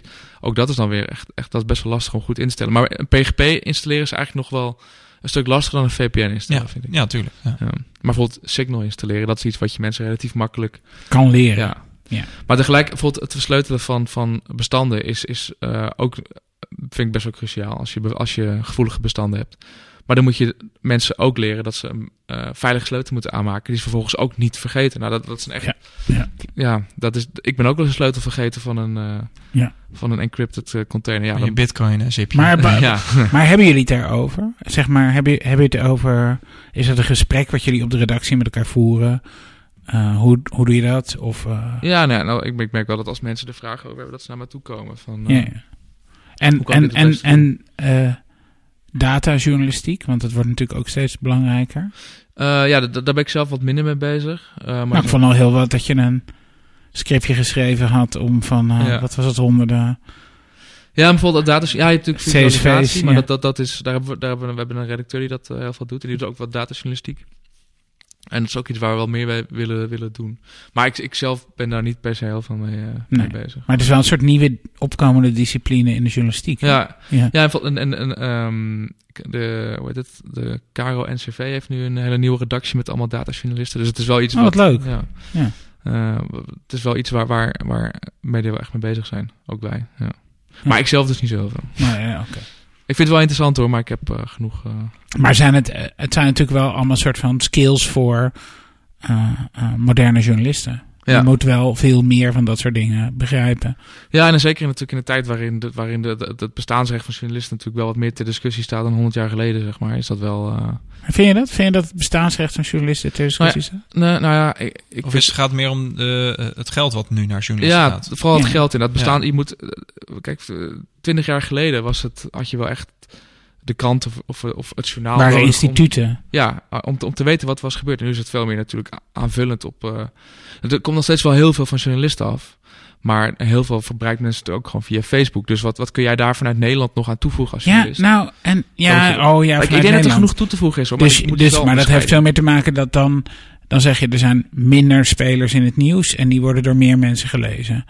Ja, dus- dat, dat. Hè, dus, dus we kunnen allemaal de New York Times lezen, dus waarom zouden we niet het nieuws bij de bron lezen in Nee, maar plaats kijk van maar eens op een- Hacker News. Daar staan misschien... Ja, oké, ik ga nu een schatting doen. Maar minder dan 5% is van gevestigde media. En de rest is allemaal van eh eenpersoonsblogjes... die ook heel veel nieuwswaardige dingen te vertellen hebben. Ja. Eh, dus daar gaat het ook meer naartoe. Gewoon mensen die dit als hobby erbij doen. En die Ja, ook gewoon een... partijen die mensen rechtstreeks benaderen, Ja. bijvoorbeeld. ja, be- dus- bedrijven die zelf PR dingen opzetten op een eigen site, eigen YouTube kanaal en zo. Ja. Dus en, en, en, ja, en als individueel medium, als, als individueel journalist, moet je natuurlijk veel meer kijken wat kun je daaraan toevoegen. Dus, dus niet alleen melden wat, wat er gebeurt, maar ook eh, wat betekent dat en ehm, ja. wat zijn de gevolgen ervan voor. eh, En als je aan dingen werkt, doe je dat vaak dan in je eentje? Of ben je wel in een team bezig aan een verhaal? Ehm, nee, ik zit wel in een team van, eh, denk rond de 20 man. Maar ik begin meestal wel aan, aan iets alleen. Maar vaak van vervolgens kijk ik samen met de verslaggever van hoe kunnen we dat in beeld gaan brengen. En uh, nou, het verschilt eigenlijk. Maar ik, eh, ja, sommige dingen doe ik samen, sommige met, uh, met collega's. En het loopt echt helemaal door elkaar nu? Dus het internet, radio, tv? Ja. Nou, het idee is dat... Het gaat meer om de verhalen dan om het medium ja. waarop je het brengt. Nou, er is nog, er is nog wel een aparte internetredactie. Ja. Um, en dat komt vooral omdat op internet gewoon veel meer uh, natuurlijk moet, kan worden weggezet, zeg maar, dan op tv of op de radio.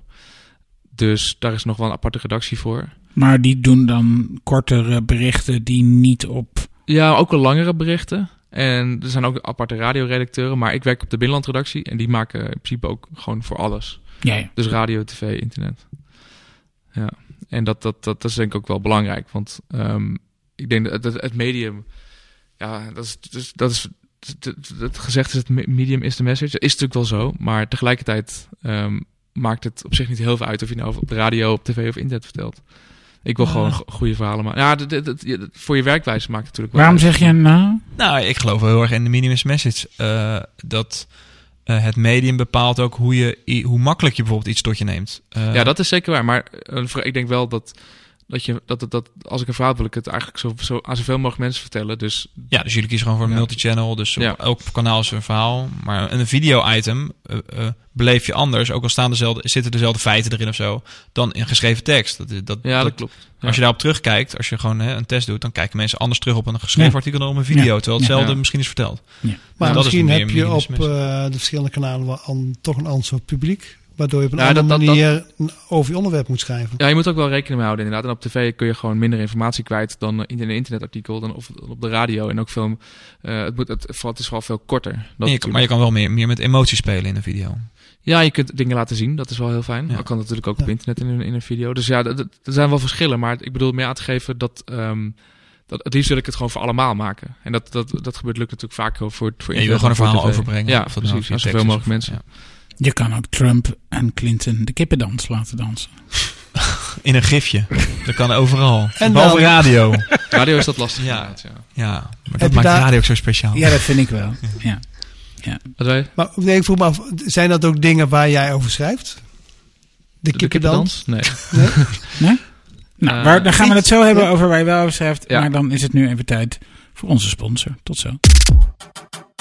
glitch, Jonne Kuit, jij bent eh, creative director bij Ine Spiekerman. Jullie hebben dit jaar voor Schiphol heel veel gedaan. Wat eh, was daar de grootste uitdaging? Het belang van de reiziger voorop stel. De processen waren vooral ingericht op wat kunnen wij in plaats van wat is belangrijk voor onze reiziger. Dat denken zeg maar kantelen, dat is eigenlijk de grootste uitdaging en ook, eh, is uiteindelijk ook de grootste verandering geworden. En als je nu kijkt in de nieuwe website van Schiphol, wat zie je daar dan van terug? Nou, dan zie je eigenlijk de eerste fase waarbij we hebben gezegd de belangrijkste taken die een reiziger wil verrichten. De dingen die voor hem het meest belangrijk zijn. Dus dat hij zo stressvrij mogelijk in een, in een staat van well-being zeg maar op dat vliegveld aan zijn reis begint. Dat was eigenlijk de belangrijkste taak. Dus dat is ook wat je ziet. Dus zie ik nu eh, super eh, gladde website. Nee, je ziet een website die werkt voor de reiziger. Tegelijkertijd hebben we ook gezien dat het merk Schiphol eigenlijk veel te eh, erg gefragmenteerd was geraakt. Eh, te weinig betekenis, een onduidelijke belofte had. Dat hebben we tegelijkertijd ook aangepakt. Dus de digitale kanalen zijn eigenlijk de katalysator geweest van een veel bredere en diepere verandering. En eh, ja, dat is wel iets waar je nou, met veel plezier op terugkijkt afgelopen jaar. Zijn we er al mee klaar? Totaal niet. Wat kunnen andere bedrijven hiervan leren? Nou, je kunt ervan leren dat als je op een agile werkwijze dit soort veranderingen voor elkaar probeert te krijgen, dat het dus eigenlijk niet uitmaakt waar je begint, maar dat het een begin is van een, verander, van een veel grotere verandering. En dat zeg maar als een soort eh, knikker door de modder er steeds meer aan blijft kleven totdat je een enorme grote sneeuwbal hebt. Eh, en zo langzamerhand gaat die verandering wel rollen. Dus niet meer eh, per se bij je merkwaarde beginnen en dan naar beneden. Je kan eigenlijk overal beginnen. Als je maar continu in de gaten houdt wat het algemene belang is. Voor wie doen we dit eigenlijk? En dat het niet een soort inside-out operatie wordt. Maar dat je iets doet wat in het belang van je klant of je reiziger is. Wil je ook meer focus op het belang van je klanten? Neem dan contact op met Ines Spiekerman. www.inespiekerman.com glitch, Zo, we zijn weer begonnen. We hadden het gelijk, terwijl we de break deden, even over kijkgewoonten en ehm, kijk je zelf nog lineaire televisie? Eh, meestal niet live, moet ik wel, eh, moet ik wel bekennen. Dat, eh, nee, dat, dat zit natuurlijk bij onze generatie er niet echt in. Dat je op een vast moment naar een eh, beeldscherm gaat kijken. Dus ik kijk vaak eh, terug, dat wel. Ja. Ehm, en ook steeds meer Netflix toch wel. Eh, vooral Netflix, moet ik zeggen. Geen, hoe is het met jullie? Ik, ik, vond- ik kijk vaak in Netflix. Ik heb ook een tijdje een HBO-abonnement gehad. Houdt ook op te bestaan trouwens. Ja, maar die series gaan wel over, toch? Naar Ziggo of zo? Ja, de, hoe, hoe is dat precies? HBO Nederland houdt op te bestaan? Ja, Ja. ja. Van Per 1 januari al. oké. Ja, Maar de series gaan wel over, anders kan, kunnen we gaan geen Game of Thrones kijken. Ziggo toch? Ja, ja, ja. Ja, maar wat Ja. die er precies mee gaan doen. Ja, Ziggo is nu ook al half aandeelhouder van Ziggo Nederland. Of Ja, van HBO Nederland. Wat gebeurt er als je geen Ziggo hebt in jouw provincie? gaan ze ongetwijfeld Ja. wel... eh, Ik wil dus zelf heel graag van eh, mijn kabelaar af. Ja? Ja. Nou, Ik ik ben zou- er vanaf. Ik eh, heb alleen internet via ze. En daarbij krijg je gratis Ja. basis tv. En dan Ja. kan je Horizon Go app gebruiken op je iPad. Zo kijken wij nog televisie thuis. Maar jij wil een glasvezel. Nee, ik zou heel graag gewoon een pijp willen waar alleen maar Gewoon 4G. net neutraal internet eh, Ja, doorkomt. ja, ja. En dat kan niet. Riool. Nee, maar dat komt, dat komt omdat ze nog steeds analoge tv ook doen. Ja, precies. Ehm, en dat kun je eigenlijk niet uitzetten, want dat, daar gaat gewoon dat internet overheen. Maar Kaiway heeft dat bijvoorbeeld al, zo'n kleinere, veel kleinere kabel, hij heeft dat wel hier en daar Ja. gedaan. En dat, dat gaat zeker natuurlijk ook een keer doen, maar ze, krijgen, ze hebben volgens mij nu nog iets van 600.000 of 700.000 kabel, analoge kabelabonnees. Misschien zijn het inmiddels minder. Maar nog steeds wel gewoon eh, elke maand miljoenen aan, eh, aan inkomsten daardoor natuurlijk. Dus dat gaan ze dus niet, dat gaan ze niet 1, 2, 3 Nee, nee, dat snap ik. Maar ik, maar ik had een paar jaar geleden had ik de hoop. eh, toen was er zo'n bericht: breekt de kabel open.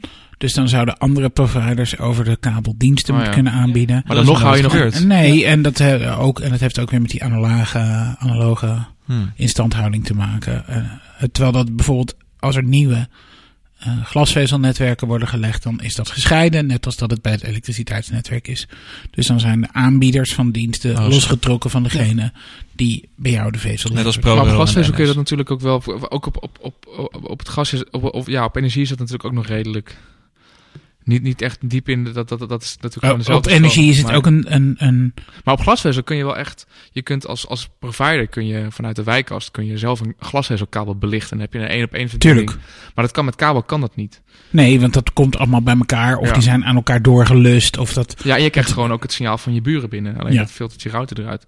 De kabel is natuurlijk gewoon een techniek die nooit is gemaakt om, om, om internet overheen. Maar ik vind eigenlijk dat kabel daar nog best wel goed in, eh, in slaagt. Dat, ik, Nou, ik had, als ik het had- gaat om snelheden en zo, Ja. hebben we natuurlijk absoluut niet te klagen. Maar Nee, je ik- zegt dus, eh, je krijgt het signaal van je buren binnen. Als die dus onbeveiligde dingen Nee, binnen niet, krijgen, bev- niet onbeveiligd kan je dat- hoor. Maar Nee, nee, nee, nee. Volgens mij kun je, kun je niet. als het goed is. kun je Als het goed is, kun jij niet eh, door de, de ruwe kabel die uit je straat komt, kun je niet kijken wat de rest van je Nee, buurt doet. Ook niet is het heel goed. eh, Maar je zegt dat wordt door je eigen modem eruit Maar het wordt wel super interessant om na Ja. te denken of dat kan. Ja. nou ja, ehm, probeer het en als je erin slaagt, dan eh, hoor ik Ja. het. Maar volgens mij is het makkelijk om de, de wifi van je buren te hacken. Dat denk ik ook. Ja, nee, je kan beter andersom doen. Ja. ja nee, maar dat, eh, en dat, dat, is daarom, dat is natuurlijk waarom, waarom marktwerking moeilijker is op de kabel dan op, eh, op glas bijvoorbeeld. Dat is, eh, op zich is dat wel logisch. Maar er wordt, ik denk ook om nu, nu Ziggo en eh, Vodafone gaan fuseren, ja. zal die vraag wel eh, opnieuw worden Ja. gesteld. Van moet, moet dat niet eh, op de een of andere manier toch open worden gebouwd? Net zoals het, dat je in ieder geval elkaars diensten kunt verkopen. En dan is het nog even los van wie dan de Wie dan? daadwerkelijke internetverbinding levert. Een beetje zoals op de, op de energiemarkt. Ja, want eh, dat is natuurlijk dat degene eh wiens centrale aanstaat, dat dat niet zeg maar de elektronen zijn die bij jou echt uit Nee, het stopcontact komen. Nee, precies. Maar het ook natuurlijk met, met elektriciteit is het natuurlijk makkelijker. Want dan gaat het inderdaad, het gaat meer om het theoretisch verhandelen van welke Ja. hoeveel je internet kan het aan natuurlijk het niet. geheel. Het is allemaal de- naar Ja. hetzelfde, dezelfde stroom die eruit loopt. Maar ik, eh, dus, eh, maar ik zou het heel fijn vinden als ik wat te kiezen had. En nu heb ik feitelijk niet zoveel te kiezen. Want Want, je het- want, Kabel ja, en deze. want ik kan kabel en DSL is de snelheid zoveel lager van. Ja. Ja, ik heb ook alleen maar kabel. Want ja, inderdaad, DSL is gewoon de snelheid lager. Ja, ik we, kan- hebben, ja. we gebruiken alleen maar het internet thuis. We Dus gaat geen, de eh, snelheid van DSL wel nog omhoog, belooft KPN. Maar dat loopt wel echt elke keer achter op, Ja. eh, op kabel. Ja. Maar dat, ja. Wat ik eh, trouwens overigens eh, ook nog altijd, en dan hoor je ook nooit iemand, is dat eh, vroeger hadden we ehm, verschillende netwerken. En dus had je de kabel en had je telefoon. En dan hadden sommige mensen ook nog ISDN. iets anders binnenkomen. En, Dat je dat, apart, apart abonne- abonnement had bij meerdere aanbieders. ja, en met, maar ook je had aparte fysieke verbindingen en aparte netwerken. En eh, da- dat heeft natuurlijk een voordeel dat als het ene netwerk plat ligt, het andere het eventueel nog doet. Dat je nog kon bellen als je Dat heb internet je nog steeds. Ja, met nou, je kabel eh, en je, en je je, telefoon. Ja, Ja, maar je kunt in principe een je- backup lijn nemen. Ik heb een stiekem wil ik eigenlijk wel gewoon een, een, een, een backup Ja. ADSL-verbinding van 20 euro per maand. Zodat ik kan zeggen, ik heb een redundante internetverbinding thuis Ja. liggen. Ah, Mijn ja. vriendin vindt dat een beetje overdreven. Ja, Dus dan moet je er nog over je hebt toch onderhandelen. 4G Is toch op je 250 mobiel. ja, en je- dat inderdaad. Ja. ja. Hij zocht dan uit de 50 euro per jaar. Die, eh, ik, heb, ik heb in de afgelopen twee jaar dat ik hier woon, heb ik één keer een storing gehad van, eh, van 6 uur. En dat kost je dan 250 euro die ene ja, storing. Ja, ja. dan kan je beter even teteren inderdaad via Ja. 4G. Wat is ook nog sneller. Ja. Maar ehm, omdat zoveel dingen eh, toch allemaal packet switched IP is aan de achterkant. Hè, want, ehm, en heel veel dingen ook dan weer gewoon via het internet afgehandeld worden. Ja. Ehm, is, is dat niet heel kwetsbaar? Is eigenlijk Nederland niet veel kwetsbaarder aan het worden? Ehm, nou ja, je zag het. Welke provider dan laatst een enorme Ja. storing nog? KPN was dat, hè?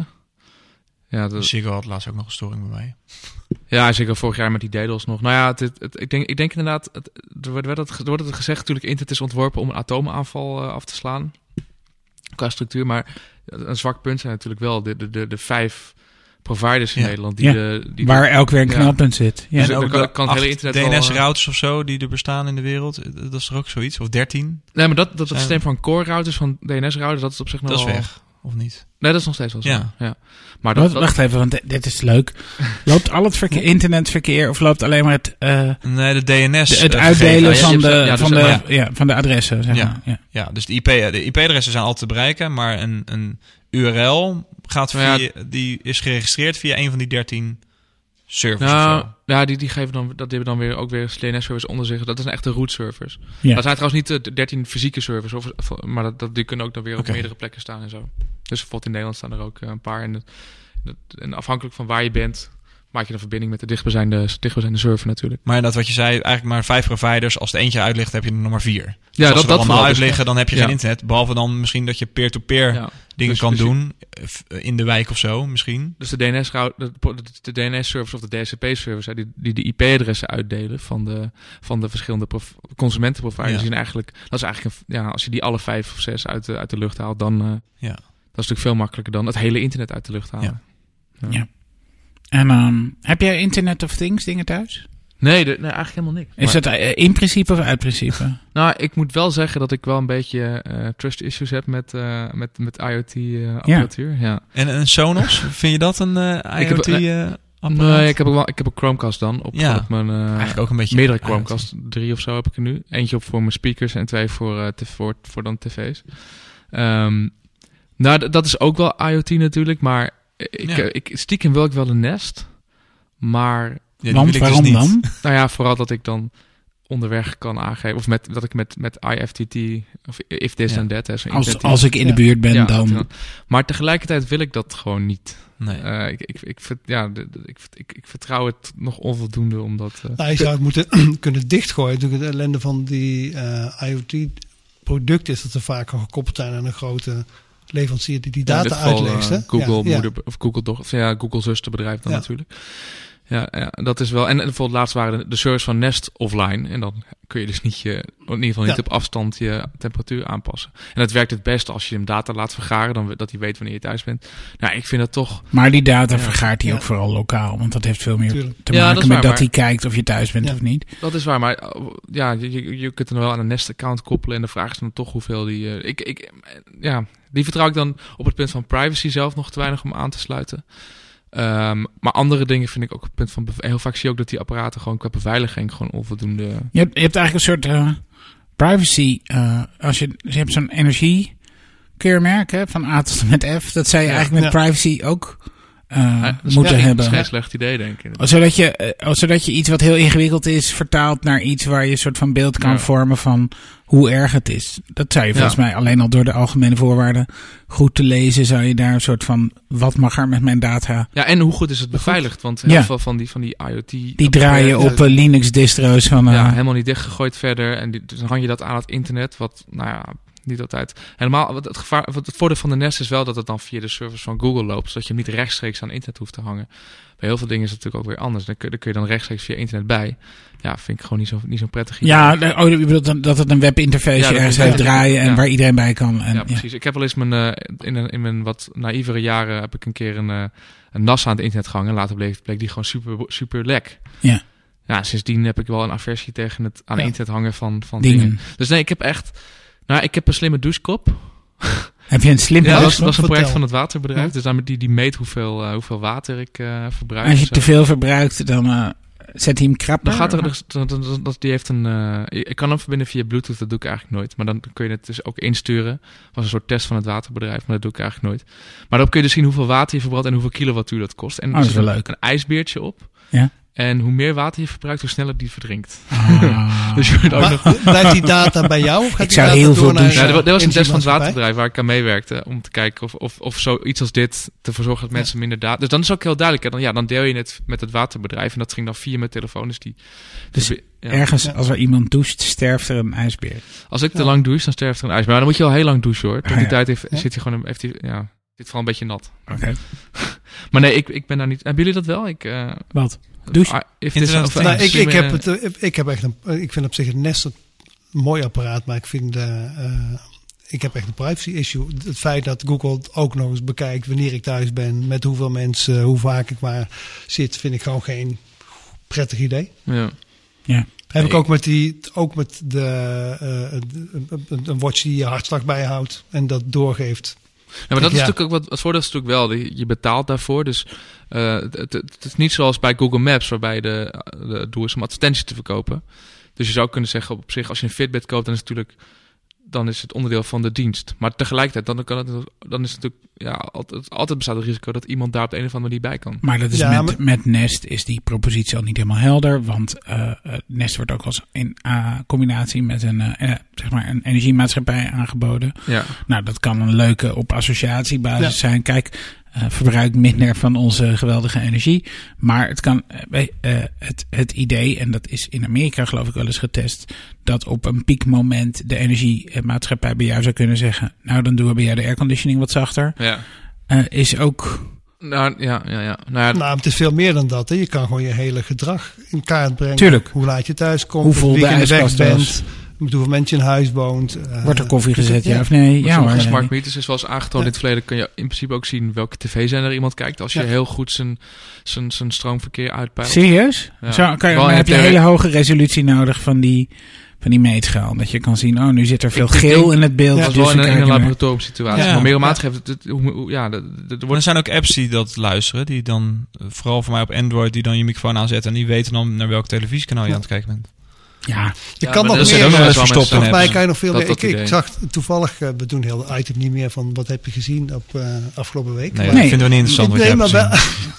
nee, maar, heb je wat leuks nee, ik gezien, heb, heel, je ik heb iets heel wordt leuks gezien. Brand op mijn lippen. Nee. Ja, nou, vertel. En, ehm, Nee, ik zag jouw onderwerp nee, Oh, go, go, go, go, go.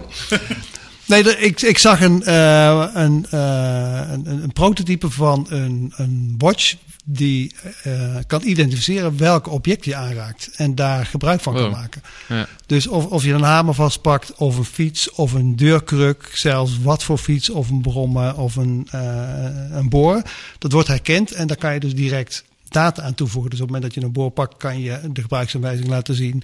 Als je op een motor zit, misschien zelfs een crossmotor, maar kun je zelfs het model eh, dan uit afleiden. Dan kan je op je, op je routebeschrijving zou een afsnijroute via een zandpad kunnen doen. En het eh, principe maakt eigenlijk alle objecten om je heen als connected objecten. En het werkt op een manier waarbij de elektromagnetische ruis die door alle apparaten stroomt, wordt, eh, en zodra je het vastpakt, geleid je dat. Kan je dat, Oh ja. Kan je dat in, eh, identificeren. Dus je kan zelfs je computer unlocken door een computer aan te raken. En dan weet hij dat jij dat bent en die herkent de computer. En vervolgens kan die computer unlock- unlocken. Dat vind ik super interessant. Want Dus dan als kun je een eigenlijk... hamer vastpakt, dan zegt hij, nee, nee, sla niet de schedel. Let van- op! Nee, maar het, het, het, het, het grappige is dat je. eh, alle informatie die je krijgt hangt af van context. We hebben nu de plek, je hebt je hartslag. Maar zodra je ook weet waar je bent, hoe laat en wat je vastpakt. eh, kan je natuurlijk veel meer informatie geven. Ik vind het in elk geval een stuk interessanter dan de hele gedachte dat elk apparaat dat we dan smart maken van een touchbeeldscherm voorzien moet worden. Ja. Maar of, de- of dat andere mooie verhaal dat eh, elke auto tegenwoordig dan maar met een app unlocked moet worden. Ja. Waarvan je ook afvraagt hoe handig is dat. De sleutels zijn eigenlijk prima. Ja, nou ja, ja, dat, ja, ik ben niet per se voorstander van het digitaliseren van alles. Want alles wat je inderdaad ehm, digitaal maakt, dat eh, brengt privacy en beveiligingsrisico's eh, Ja. met zich mee. Ja.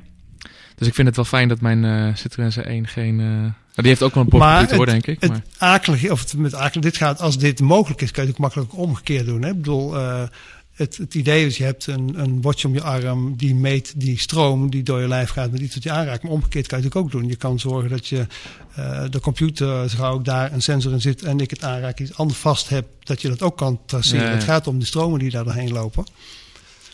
En als je een hele serie van objecten achter elkaar kan plaatsen, kan je ook achterhalen wat je aan het doen bent. ja. Ja. Dat is je vierde biertje al, Joost, vandaag. Zou je dat wel doen? Precies. Nee, maar dat soort... Ja. ja. Ja, ja, ja. ja. Nou, dan zijn, alsnog zijn we daar natuurlijk zelf bij. Maar het is wel een, iets, iets wat... Nou ja, dus, dus nudging, hè. Bijvoorbeeld de ANWB die heeft nu een, eh, een, een, een verzekerings... eh, hoe noem je dat? Ja, gewoon een verzekering. Ja. Waarbij je een, een, ja, een apparaatje in je auto stopt... die dan volgens je rijgedrag, rijgedrag meet. En als je goed rijdt, krijg je korting op je premie. Nee, dat, eh, dat is van een eh, start-up uit Eindhoven, dat het zou apparaatje. kunnen dat ze dat gebruiken, ja. Ja. Ik weet niet precies welk apparaatje ze gebruiken. Volgens mij moet je het gewoon in sigaretten houden of zo eh, stoppen. En, En waarschijnlijk eh, plugt het in je diagnostische poort van je auto, want daar kunnen ze al die informatie oh, dat zou kunnen. Oh, dat, dat, ik, ik, ik interpreteer dat als dat ze het via gewoon... eh, Een sensortje in het dingetje ja. doen of zo. Oh, ja. Maar misschien dat dat, dat, dat zo is. hoor. Dat zou Interessant. kunnen. Maar dat is natuurlijk... Nu is het natuurlijk zo dat... Nu is dat één of twee verzekeringen zijn dat. Maar dat... dat ja, ik denk dat je dat wel vaker gaat zien. Dus dat... Dat, Dat je iets van prijs inlevert voor een voordeel. korting. Maar dus op de langere termijn... Dat je geld betaalt... Om niet eh, Ja. in kaart gebracht te worden. Net als dat, is je wel gewoon iets over waar- 15 jaar nog eigenwijs zelf auto wil rijden... in plaats van in een zelfrijdende Ja. auto wil stappen... dat je er gewoon de hoofdprijs voor betaalt qua verzekering. Ja, ja. Hoe, maar hoe lang denken jullie dat het duurt voordat, de, voordat de zelfrijden in een auto wordt verboden? Ja, verboden. Dat, Denk dat ik denk dat het zo Nee. dus gaat. Ik denk dat er speciale rijbanen komen voor als je zelf wil rijden... en dat het gewoon Hmm. veel, veel makkelijker is om dan gewoon maar in die zelfrijdende auto te Ja. stappen... en ook misschien wel goedkoper wordt. Goed, ja, ja, ja. Maar uiteindelijk wordt het wel verboden, denk ik. Ja, tuurlijk. Je mag ook niet fietsen op de snelweg. Dat is ook verboden. Nee, misschien wordt het... wordt- Misschien mag je niet Ja. meer de snelweg op. Misschien mag je alleen maar binnen doorwegjes. Als ja, je net zoals dat je met, met, met een paard nog wel de duinen in mag. Ja, ja een maar tractor mag je maar, niet op. meer door de binnenstad van Nee. Amsterdam. Jawel, Ja. dat mag wel. Ja, met de paard dan weer wel. Met je Volgens tractor mij, niet. ik, volgens mij mag je helemaal niet eh, Nee? eh, zomaar met Hoezo een paard door de binnenstad van Amsterdam. Zullen we het weekend proberen? Je mag Ja. hem alleen niet laten scheiden in Amsterdam. Je mag hem best wel... Als je alles Ja. maar zelf opruimt. ja. Hebben. Nee, dat, ik denk dat. Dus, het, dus er worden. Maar dat vraagt heel veel. Dat vraagt dus om nieuwe regelgeving. En vooralsnog kunnen we niet eens scooters van het fietspad weren. Dus ik zie. Ja. Ook, dus het gaat nog heel lang duren voordat er in Nederland eh, wetgeving komt die zegt waar je wel of niet. Mag rijden met je auto. Nou ja, Ja. het is nu natuurlijk gewoon nog te vroeg ervoor. De, de techniek is nog niet om Ja. e- een echt zelfrijdende auto te hebben... waarin je dus gewoon... Uiteindelijk wil ik gewoon de auto instappen... eh Ja, serie A naar B zonder... eh, ja, ja. zonder zelf iets te hoeven doen. Ik bedoel... Of, of ja, ik, ik vind het niet per se een toegevoegde waarde om zelf auto te rijden. Nee, maar ik heb... Ja, ik Nee, ik ken wel mensen in mijn buurt die, die Ik zien wel. dat wel als een soort van Ja, die Ontspanning of sport of. eh, ja. Ja, die willen echt nog wel zelf uit dat, dat denken. Petrolheads. Ja, nee, dit is gewoon een hobby. Maar, Ja. zegt, ja, Ja. dan- maar dan ga je maar naar een circuit later misschien.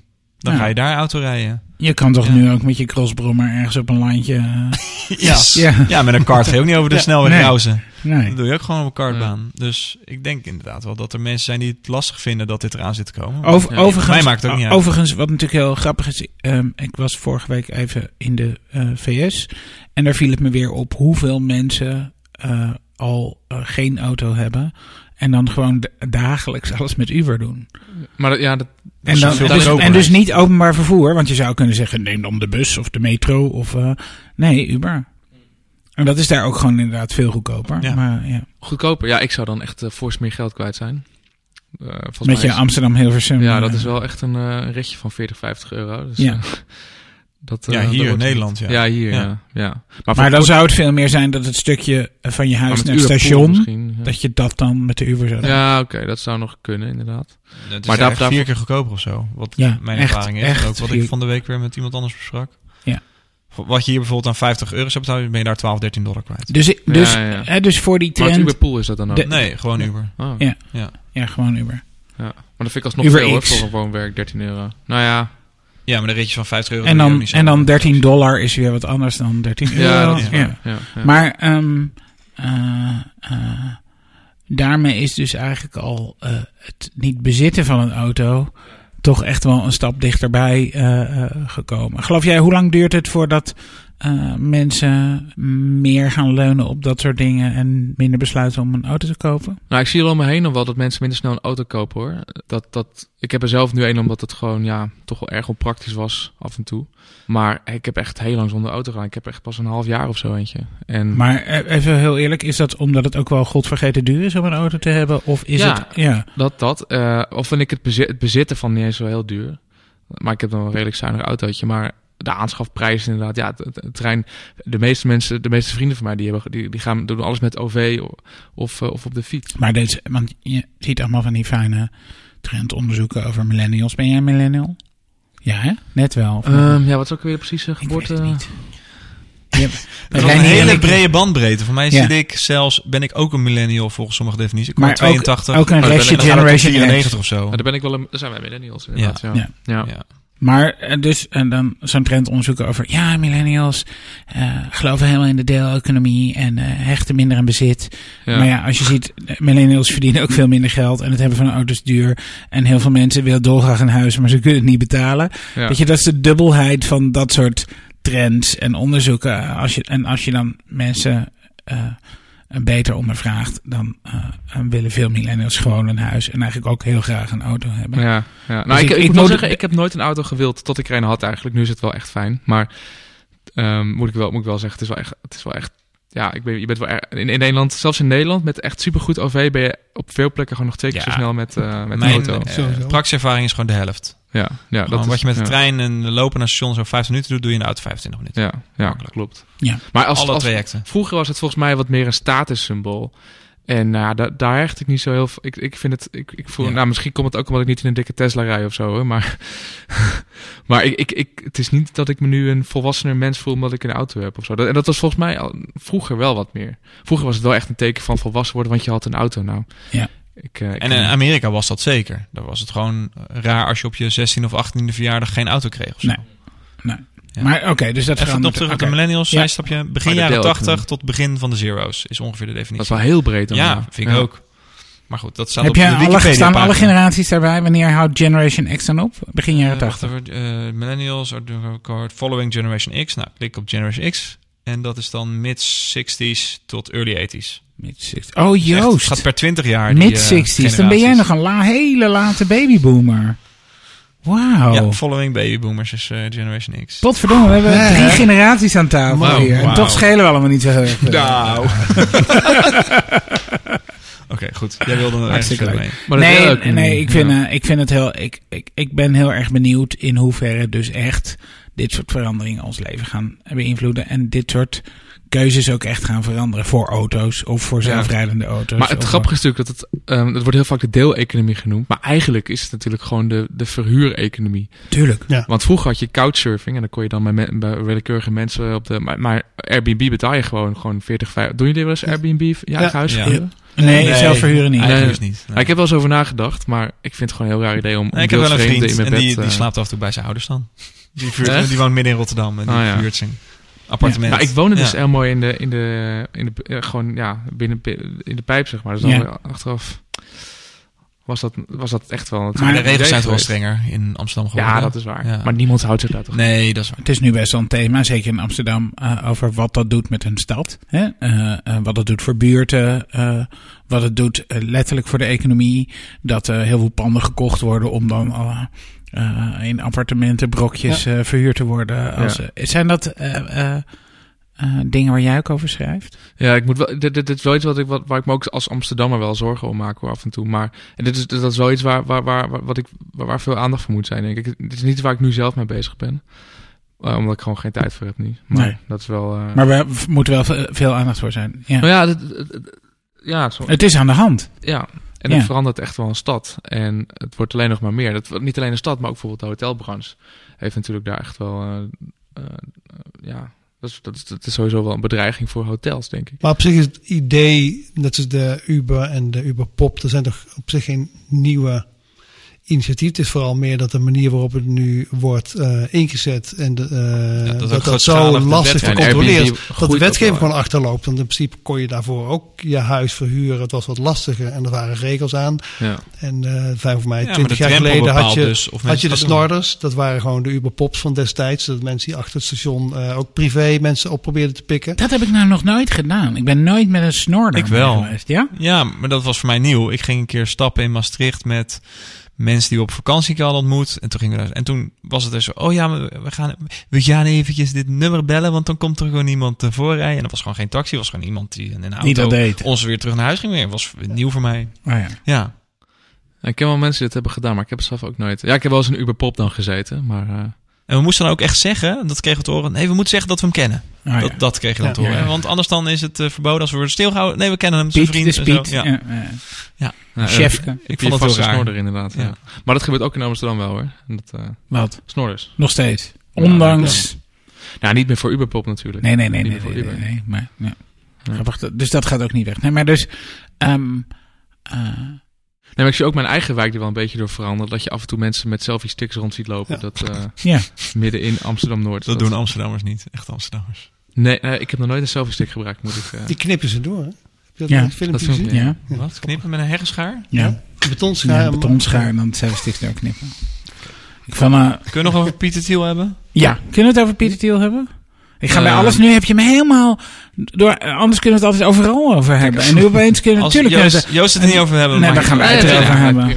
Dat, eh, we- Dus oh, je bedoelt over de Amerikaanse verkiezingen, Renier? Ja, dat, wat eh, je, onze Joost ook aangaf. We doen altijd een rondje met dingen die je zijn opgevallen in het nieuws. En eh, mij viel inderdaad wel op dat Pieter Thiel zich gewoon heel erg openbaar bemoeit met eh, de politiek. En Pieter Thiel is een, eh, een co-founder van eh, PayPal. Eh, spreekt zich wel vaker uit over politiek. Eh, maar er is nu heel veel gesteggel, ook omdat hij een soort van t- eh, een part-time partner van Y Combinator is. Dat is de, hack, dat is, de eigenaar van Hacker News zo. De, waar, waar we het eerder over hadden, Hacker News. Ehm, en daar is nu heel veel discussie over of Hacker News dat moet pikken, of eh Y Combinator dat moet pikken of niet. Of eh, hoe heet die andere ehm, eh Hacker News? Nee, niet Hacker News. Eh, Y? Combinator founder. oh, eh, dat weet ik niet, sorry. Ja, er was een heel, hele discussie op Twitter tussen eh, David Heineman Hansen van Ruby on Rails Ja. die, eh, die andere eh, co-founder een beetje zat op te jutten van waarom eh, zet je die Pieter Thiel niet weg of uit Y Combinator en eh, dan heen en weer ge, geëtter. Maar het is wel heel raar dat zo'n... En hij had ook toen die Gawker... eh Gawker had hij helemaal om zeep geholpen met eh Hulk Ja, Hogan. met zijn rechtszaak. Ja, Ja. precies, met zijn rechtszaak. Ehm, en ja, dat vond ik gewoon opvallend eh, hoe technologie en politiek veel meer tegen elkaar aan zijn aan het schurken de laatste paar jaar dan. Hij is ook de enige overgebleven grote donor van Trump, toch? Peter Thiel. Dat, ja, hij geeft gewoon 1,25 miljoen aan Trump nu Ja. in, deze la- in dit laatste stadium, terwijl alles over grab hem bij de pussy al is gezegd en zo. Best bizar dat hij nu nog met geld over de brug komt Ja. voor Trump. ja. Maar wat vonden jullie van dat filmpje van eh Gawker? Ik heb, dat, ik heb dat filmpje zelf nooit gezien of zo. Ik bedoel van Hulk Hogan. Ja. Nou, ik bedoel meer van de, de, hoe- wat, wat, Wat, er gebeurd is. Ja. Ook bizar. Dat hij gewoon eigenlijk met zijn geld gewoon een heel, eh heel mediaplatform uit de, uit de lucht duwt. ja. Maar, Ehm, ehm, Tegelijkertijd was het natuurlijk ook we wel doen een alsof dat allemaal nieuw is, maar dat is toch helemaal niet nieuw? Dus, eh, eh, hoe heet die? is dat Hearst. niet nieuw? Nee, Hearst was een krantenmagnaat in de VS. eh, in, in, elk- in het begin van de 20e eeuw. En die eh, was ontzettend rijk. Eh, als je eh, in Californië kan, komt, kan je nog zien eh, wat hij eh, voor eh, eh, vreselijke monumenten voor zichzelf Hearst heeft. van de autovuur. Hearst. Oh, Hearst. Hearst. Maar ook van de, de, de, Nederlandse Hearst is daar uit voortgekomen dan? Of, Hearst? ja? Hearthstone. Wat, wat bedoel je met Spelletje. Nederlandse Nou, er is ook een Nederlandse uitgever die heet Ja, ja, ja, dat is Ja, gewoon dat is- volgens dat is- mij dat is hij, rechts- oh, ja, ja. En ehm, eh, eh, dus die had eh, de New York Journal en de San Francisco Examiner, allemaal kranten uit die tijd. En had daar heel veel geld mee verdiend. En die werd democraat, werd gekozen en eh, gebruikte dat geld dus ook om zichzelf verkiesbaar te krijgen. Ja, En- zichzelf dan. ja, Ja. De Dus dan sta je zelf ook voor je eigen mening. Dat is wel logisch. Toch? Jawel, jawel, maar dus de, de, het geld inzetten om politiek invloed te verwerven. Nou, wat, ik- wat, hij, dat- wat, wat Peter Thiel natuurlijk wel doet, is dat ehm nou, Galker heeft gewoon echt zijn deuren gesloten. En Galker zelf, de rest is, is dan overgegaan naar wie ook alweer? Dat, eh, maar, of ja. nou ja, dat, dat, dat, dat, ehm, Univesta of zo, dat dat Spa- Spaanse eh, tv-kanaal. eh, uit, Oh, het eh, is wel overgekocht. Ja, het is overgekomen, maar Galker inclusief zelf schulden. bestaat gewoon niet meer. Nee, nee, nee, nee. En dat is nee, natuurlijk nee, wel bizar nee, dat ja, één, één persoon dat voor elkaar kan krijgen. Tegelijkertijd was het natuurlijk een bizar filmpje wat ze publiceerden. Met zon, ja. Dat is natuurlijk het... eh, Ja, nee, zeker. Maar Het is dubbel. nee, nee, nee. ehm, het is vreselijk. Ehm, want het is natuurlijk heel naar dat iemand. eh, ehm, eh, het, eigenlijk is het namelijk gewoon een bedreiging voor de vrijheid van meningsuiting. Je kunt je ook afvragen eh, of eh, was dit alles vrijheid wat. van meningsuiting? Nou ja, ah, maar goed. Ehm, maar het probleem is, is dat money rules. Uiteindelijk is het gewoon. En wie de diepste zakken heeft in Amerika, kan het langst eh, eh, een zaak voeren. En dat bepaalt vaak heel erg Maar dat is toch geen nieuws ook? Dat is toch van alle tijden? Eh, ja, Ja. ja. Ja. Ja. En, en meer Amerikaans dan dat het Europees is, denk ik. Ja, het is van alle tijden, maar het En is Italiaans. een soort nieuw in de tech Dus, zien. dus Ja. laten we even teruggaan. Waarom wil je het hier over hebben? Omdat je Pieter Thiel een enge man vindt? Omdat ik Pieter Thiel een enge man vind. Nee, er is, eh, dit speelt zich nu af in de tech-sfeer, zeg maar. In de, Nee, In- dat, dat, dat staat toch eigenlijk los van hoe hij is gewoon een man met En veel geld. Alleen ze geld staat los eh, van hoe hij nee, het want noem eens een ander voorbeeld nu re- recent in deze tech, die in de nieuwe miljardairs zeg maar die nu zijn ontstaan, eh, die dit allemaal eh, zo eh, hardop zeggen of hardop doen, gewoon met Wat hun Trump geld. steunen. Nou, niet per se Trump zo, gewoon met hun geld, gewoon dingen kapot maken. En hij heeft ook aangekondigd om het vaker te gaan doen. Hè? Dat is Ja. natuurlijk ook wel... eh, Ja, ja hij om heeft ook vaker- andere mensen bang gemaakt. Ja. om, om, om, om rechtszaken te steunen ehm, voor mensen die zich op die manier benadeeld voelen. Hij is toch gewoon libertijns? Ja, daar strooit hij altijd mee. Ja. Eh, En is dit niet zijn manier om... Hij denkt daar bij Trump eh, het goede adres te zijn en daarom hem te steunen. En dat staat een beetje los van waar Trump verder met zijn handen zit. In zijn ogen, niet in mijn ogen overigens. Ja, ik weet niet of hij eh, ja, het per se Trump dus wil steunen. Of dat het een ticket naar de Het macht is ook een beetje een soort chaot. Of, hij wil ch- chaos een beetje brengen, lijkt het wel. Af en toe, wat de dingen die hij doet, is gewoon ook om dingen kapot te maken. Vind je dat? Ja, ja. ja hij spreekt zichzelf ook wel eens tegen. eh, met dingen die hij daarvoor heeft gezegd. Eh, ja. Maar goed, misschien is het een heel... Oké. Nee, nee. Vaag ik, onderwerp Nee, nee, nee, nee. Ik snap ook wel dat je het over wil hebben. Ik vind het ook heel erg interessant. Ik, nee, het was ook vooral de discussie die daarover werd gevoerd op, op, eh, op Twitter met... ehm, ja, die... eh, ik moet even zijn naam zoeken, maar eh, daar kom ik straks wel even op terug. Met die andere... Met Van, die andere Y van Combinator. Y Combinator. Ja, ja. oké. Maar er, er gaat toch heel veel eh, geld uit de eh techsector naar de campagnes? Volgens mij, er gaat überhaupt veel geld... Ja. Eh, Ik van- weet niet of dus het van van individuele tekst- eh vandaan, die ook nog hardop roepen dat ze eh, daarmee dingen willen bereiken. Dat is het meer. het- De rest doet het meer onder de radar. Ja, of misschien vanuit een stichting of een bedrijf. Ja, misschien doet hij het ook natuurlijk wel vanuit een stichting of zo. Maar hij staat er gewoon persoonlijk achter. Hij, ja, Oké. soms weet ik ook niet waar ik naartoe wil. Nee, nee, nee. Kijk dat- gewoon waar we eindigen. dat- Vier jaar geleden. Trump dat toch ook naar... of wat was het? Al nog langer geleden. Dat Trump ook Clinton steunde, openbaar en met geld. Paul Graham Ja. was die andere. Oh ja. En dat is, die is ook wel een beetje uitgesproken over zijn politieke voorkeur. Wat hij haak staat op wat Trump doet. En daar ging de discussie over. Moet je dan wel met zo'n Peter Thiel nog willen samenwerken in je Y Combinator eh, gebeuren? Ja, Dat, daar ging de, daar Dus ging de discussie over. alles wordt nu politiek in de VS. Dat is Eh, eigenlijk... zodra er zo'n sterke mening opduikt van zo'n Pieter Thiel, die met je samenwerkt, ja, dan gaat het ineens over politiek in jouw bedrijf. Of is het omdat eh, Trump zich eigenlijk met alles wat hij doet zo buiten de eh, bestaande orde plaatst, dat je af moet vragen als je daar zo, je zo close mee verbindt. Ja, daar ging het om. Dus Ja. de, Trump eh, is gewoon. je kan eigenlijk objectief zeggen dat het een racist is, een vrouwenhater, nou, van alles. Ehm, En, en, en, en- ga je daar dan toch nog geld in investeren? Wat zeg jij dan over jezelf? En, Ja. ja. En Dus kun- het, is- het en- gaat niet eens om politiek dan meer. Het gaat om een soort van me- ja, een, een levensovertuiging. Ja, dus zegt eigenlijk alleen maar ja, hoe erg in het slop de VS nu zitten met deze verkiezingen. Ja, ook, ja. Ja. ja. Oké, Ja. dan snap ik het. Oké. Weet je wat ik nou heel erg interessant zou vinden? Ik ben heel erg benieuwd in hoeverre eh, eh, algoritmes en sociale media eh, het, de uitslag van deze verkiezingen beïnvloeden. Beetje Nou, House dat of doen Cards, ook. Maar misschien ja, niet ja, bewust. heel erg Ja. House of Cards Ja, maar natuurlijk. ik denk dat ze doen het uiteraard. Eh, alles wat gebeurt in het beïnvloedt je mening, maar misschien doen ze het niet bewust. Dus het gebeurt wel. Het beïnvloeden door inderdaad black Ja, boxes, algoritmes. Google had laatst toch een oproep op zijn homepage om ehm, mensen zichzelf te laten registreren als stemmer. Maar heel veel van die mensen, als ik het goed herinner, bleken eh democraat te zijn. Dus zelfs als, als een internetbedrijf onbedoeld iets doet, en zelfs met een, met een, met een met goede gedachten, dan nog Ja. kun je natuurlijk mensen. Nee, maar dat is voor mij ook nu het hele gevaar van dat Trump misschien nog steeds president kan worden. Is omdat heel veel democraten houden eigenlijk niet van hun kandidaat Hillary. Dus die, die stemmen niet straks. En heel veel republikeinen hebben echt grote haat tegen Hillary. Dus die gaan Die allemaal beter- stemmen op Trump om maar Hillary niet in de office te krijgen. Dat was Dus toch daar uiteindelijk ook gaat het, de, de reden Dat is waarom gevaar straks. eh, eh, toen Al Gore en ik weet even niet meer, dat is echt heel slecht van mij. eh, wie Bush? er- ja, ja, natuurlijk. Bush. Ja. Ja, sorry.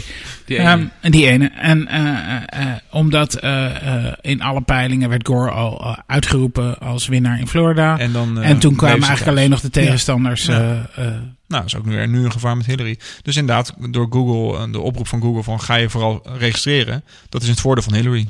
Hoe meer mensen, als iedereen in Ja. de VS zou stemmen, dan wint Hillary gewoon. Dat is toch ook een politieke uitspraak? Ja, maar je niet Google bewust dus. Ja, natuurlijk wel. Google weet van tevoren. Als iemand iets weet van data, is het Google. Dus ze wisten van tevoren dat is een oproep in het voordeel van de Democraten. Dat zou kunnen. Maar er gebeurt bijvoorbeeld heel veel in het algoritme van Facebook, waar Facebook zelf geen controle over heeft.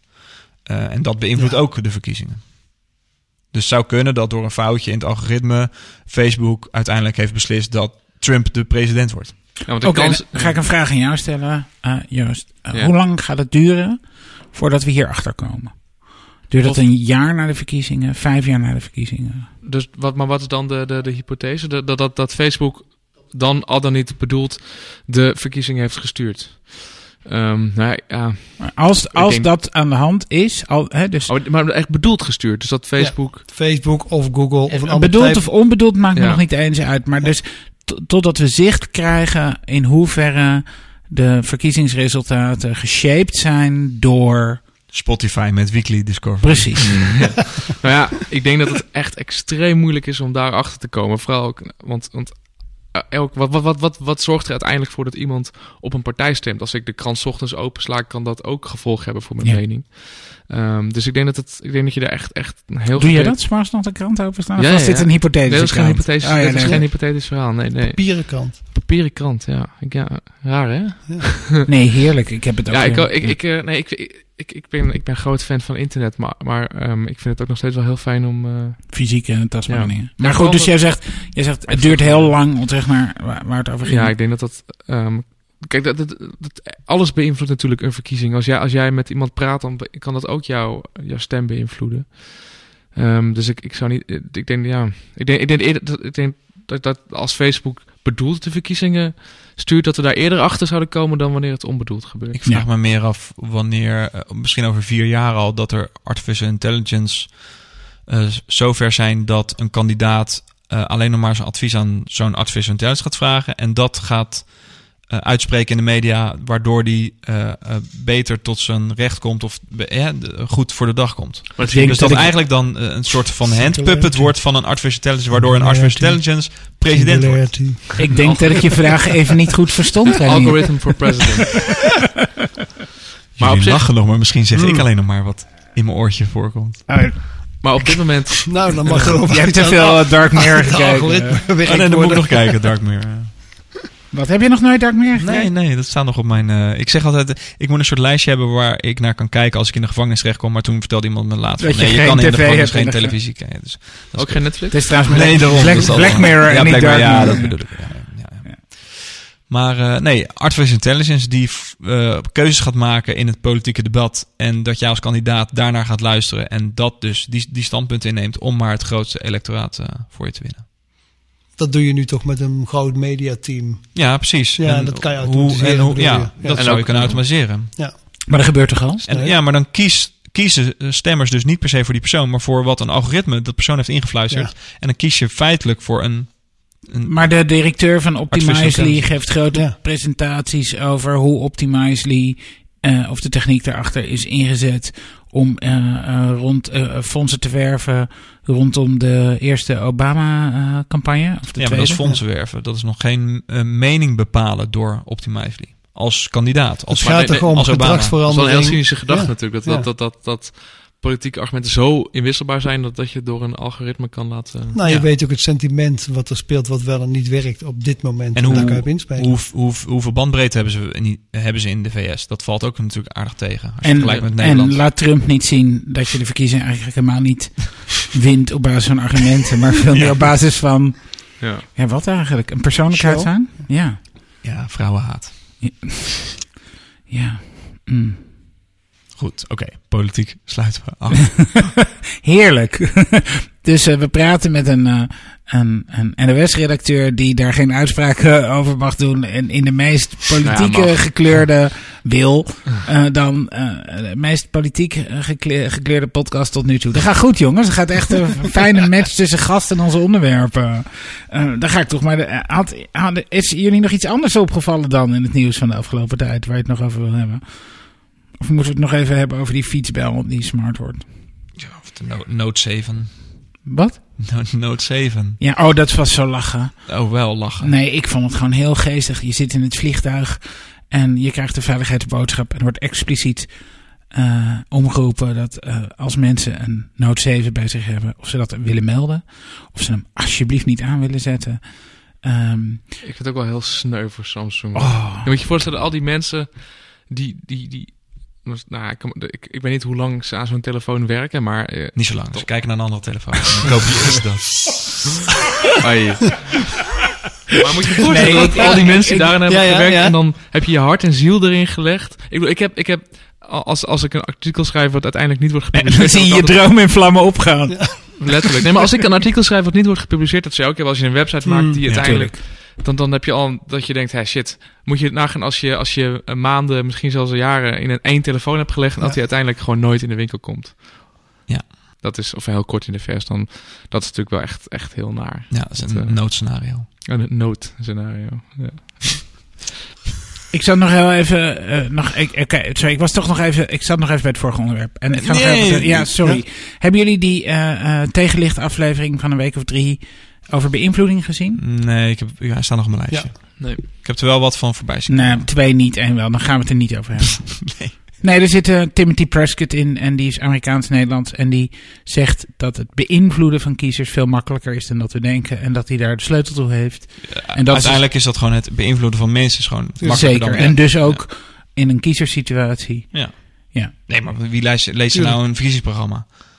Ik heb, ja, op zich probeer ik Ja, altijd wel te doen. het- ik Maar- Tegenwoordig probeer het te doen, maar zelfs ik denk de mensen die redelijk politiek geïnteresseerd zijn, lezen geen eh verkiezingsprogramma's. Maar je ziet het ook in- niet als ze 80 pagina's zijn of zo. Ik zat laatst bij iemand in de auto. Ik zal geen namen noemen. En eh, die ging het eh, verkiezingsprogramma het van, Tesla? van Wilders voorlezen. Nou staat het op één A4'tje, Ja. zeggen ze. Nou, ik vond dat een goede zet. Iedere politieke partij moet een, een verkiezingsprogramma kunnen maken. eh, die en gewoon in een, weet ik veel, boekwerkje zit. Maar ook een soort executive summary heeft op één A4'tje. Vind ik onzin. Nee, Ik- ik, nee, vind, ik vind want het- dat lezen mensen nee, tenminste nog. dat ben ik echt totaal niet met je eens. Ik vind, Nou, het is dat of niks lezen. nee, ik vind eh, mensen moeten eh, maar eens beseffen dat als ze in een democratie willen wonen en met alle dingen die dat brengt, dan moeten ze misschien eens in de vier jaar meer dan die ene pagina lezen. Ja. Nou, ik moet dat ik heb de afgelopen twee verkiezingen alle verkiezingsprogramma's gelezen. Tenminste van eh, alle partijen die in de Kamer zaten al. Ja? Of eh, in, de peil, in de peilingen eh één zetel hadden of meer. En de, ehm, ook nog wel van de Piratenpartij en zo heb ik toen nog gelezen. Voor tweakers ook destijds. Ja. staan nu ook op Ja. één zetel ongeveer. Eh, ja, ja, Of meer. Nu, maar Ja. maar toen, of dat toen zo was, weet ik niet. Maar ik moet wel zeggen, dat is niet iets wat ik... Iedereen aan zou. Nee, dan kun je ook zeggen van je kunt een soort voorselectie maken van partijen waar je geïnteresseerd in bent. Ehm, maar het is, het is echt niet te doen om alles te lezen. Maar goed, weet je, eh, jij Ja, ook- zegt, het hoeft ook niet één A4'tje te zijn. Ze maken toch ook posters met één kreet? Nee. Dan kunnen ze ook een A4'tje maken. met Zeker. 20 en, kreten. En maak een vijf minuten durende video of een dertig nou, minuten dat durende zeg ik video. Snapchat. Maar doe, in, je hebt wel gelijk, zet meer middelen in dan alleen maar Ja, eh, dat eh, Dat had je vroeger gewoon. 64 hè? Uitzending van politieke partijen. Bestaat heb nog steeds. dat bestaat Ja? nog steeds. Ja, ja. En dat eh, Ik moet vaker tv kijken. was altijd mooi. En dan had je Janmaat met Ja. een bloemstuk. Ja, op zo'n bureau, ja. Wat? Ja, ja, zo toch? Achter ja. een tafel zat hij dan. Ehm, ja. Maar eh, waar ging het over? Oh ja, over beïnvloeden. Ja. Maar als je kijkt naar de peilingen, hoe hard dat zwabbert van de ene kant naar de andere kant, dan kan het toch niet anders dan dat het door beïnvloeding gebeurt. Want de partijen zelf veranderen die korte periode nauwelijks. Dus dat, ja, je mening daarover kan alleen worden beïnvloed door externe factoren. Dus dat wordt op een of andere manier heel sterk gestuurd op emotie of op wat er waan van de dag. Of wat Dat, natuurlijk, maar dat, ja. dat, eh, we doen allemaal alsof dat zo bijzonder is. Maar we weten toch allang dat we eh, suikerwater verkopen met emotie. Ja. En dat is toch... Iedereen die in de, in de reclame werkt, weet dat toch gewoon. En dan natuurlijk zetten we dat in. En kennen we die dingen. En als iets schaars is of schaars lijkt, willen we het allemaal eh, meer hebben. Het is allemaal zo... dus dan is het ook niet zo bijzonder wat die man eh in tegenlichten roept van dat kan je makkelijk beïnvloeden. Dat is toch ook Ik denk dat- een open deur. eh, ik denk Ja, alleen... maar nu gebeurt het geautomatiseerd. dat is het. Dat is het, ja. Dat is het. Zo wat. En, Ja. en dus persoonlijk. Dus jij wordt anders beïnvloed dan David. Ja, dus het maken Daar van het eh, ben jij, eh, eh, eh, zit je in bakje A, dan moeten we op Ja. jouw script 21 loslaten. Maar dat soort het gaat er om- naartoe dat we 6 miljard of 7 miljard bakjes hebben. Dat is het. Ja, in de praktijk Nee. werkt dat niet zo, hè? Uiteindelijk wel. Nee, in praktijk is echt Voor personaliseren mij één zes op één. bakjes heb je Dus je maar, wordt gewoon in een bakje Ja. gedaan en dat, dat lost het Sorry. probleem voor 85% van de gebruikers op. En dat is wat Ja, je moet personaliseren toch vaak is. Ja. Je moet toch natuurlijk een beetje... Je, kan, je kunt moeilijk als... Nou, misschien dat je het wel met zelflerende algoritmes wel zou precies. kunnen doen, hoor. Dat je... Zo heel veel verschillende eh, eh, aantallen parameters heb je niet nodig om tot 7 miljard unieke bakjes te komen. Maar je hebt natuurlijk weinig feedback, want, je, want iemand stemt pas na een, een, een paar maanden of een paar weken daarna. En dan weet je ook niet zeker of hij op jou heeft gestemd. Dus je hebt geen klik. Ja. Nee, maar de, de, de, eh, ik weet niet eindeloos veel van personaliseren. Maar wat ik wel weet is dat uiteindelijk zitten er een aantal hypotheses onder. En dat bepaalt eigenlijk vaak de bakjes. Eh, eh, eh, ehm, en eh, dus is het aantal variabelen niet oneindig. En dus praat je altijd over een... word je in meer of mindere mate in één of meer categorieën ingedeeld. Dat is een tussenstation. Dat kan. Dat kan. Net als dat Siri uiteindelijk zo persoonlijk wordt dat het jouw Siri uniek is en mijn Siri uniek. Denk je dat? Ja. Dat je een soort eigen op jou ge- Ja, uiteindelijk wel. de stem die bij je past. Ja, de discussies jij- die je met dat ding hebt gevoerd of de, de vragen die je hebt gesteld. Waar, waar jij als mens het Nou, best dat naar zou luistert. hartstikke mooi zijn. Wat is dat dan die jij het prettigst vindt? Of die Nou, waarvan Apple weet dat, dat je de bevelen het meest opvolgt? ja, wat, ja, wat het meest efficiënt is. Wat is dat dan? Efficiënt, Nee, ja, dat is dus de vraag. Dat, Efficiënt voor wie? Of Ja, jij precies. houdt van een Ja. tegenwoord. maar hij is wel uniek, Ja. hij is wel uniek ten opzichte van die van jou. Ah ja. Denk je dat echt? Ja. Nu ook al? Nee, nu niet. Nee, oké, maar in de toekomst. Nee, ja. En is dat dan 10 jaar of eh 30 jaar? Ik denk wel snel. Ik denk dat Google daar heel erg hard aan mee bezig is nu. Ik ben echt benieuwd ook naar de Pixel inderdaad met die nieuwe Ja, assistent. assistent. Zeg je Oh. dan, hey assistent? Hey Google. Ehm, Hey, Hey, Pixel. Pixel. Hey Pixel. Nee, voor mij niet. Hey, Nee. Een dode pixel. maar wat, wat verwachten Nou- jullie op dit punt meer van Google of meer van eh, Apple? Ehm, voor eh, de eerste fase meer van Google. Eh, omdat het gewoon makkelijker is om dat in datacenters gewoon, eh, gewoon brute force allemaal eh, ja. uit te voeren. Ehm, maar uiteindelijk denk ik dat Apple ook wel zo ver komt door heel veel te anonimiseren en een stukje op je telefoon te, te berekenen om die privacy te bouwen, maar ook een heel groot stuk in hun datacenters. Maar ik denk niet dat Apple eh, zijn spullen op orde heeft qua server eh, Maar- Maar diensten. software. Ook- Maar ik zou denken dat wel.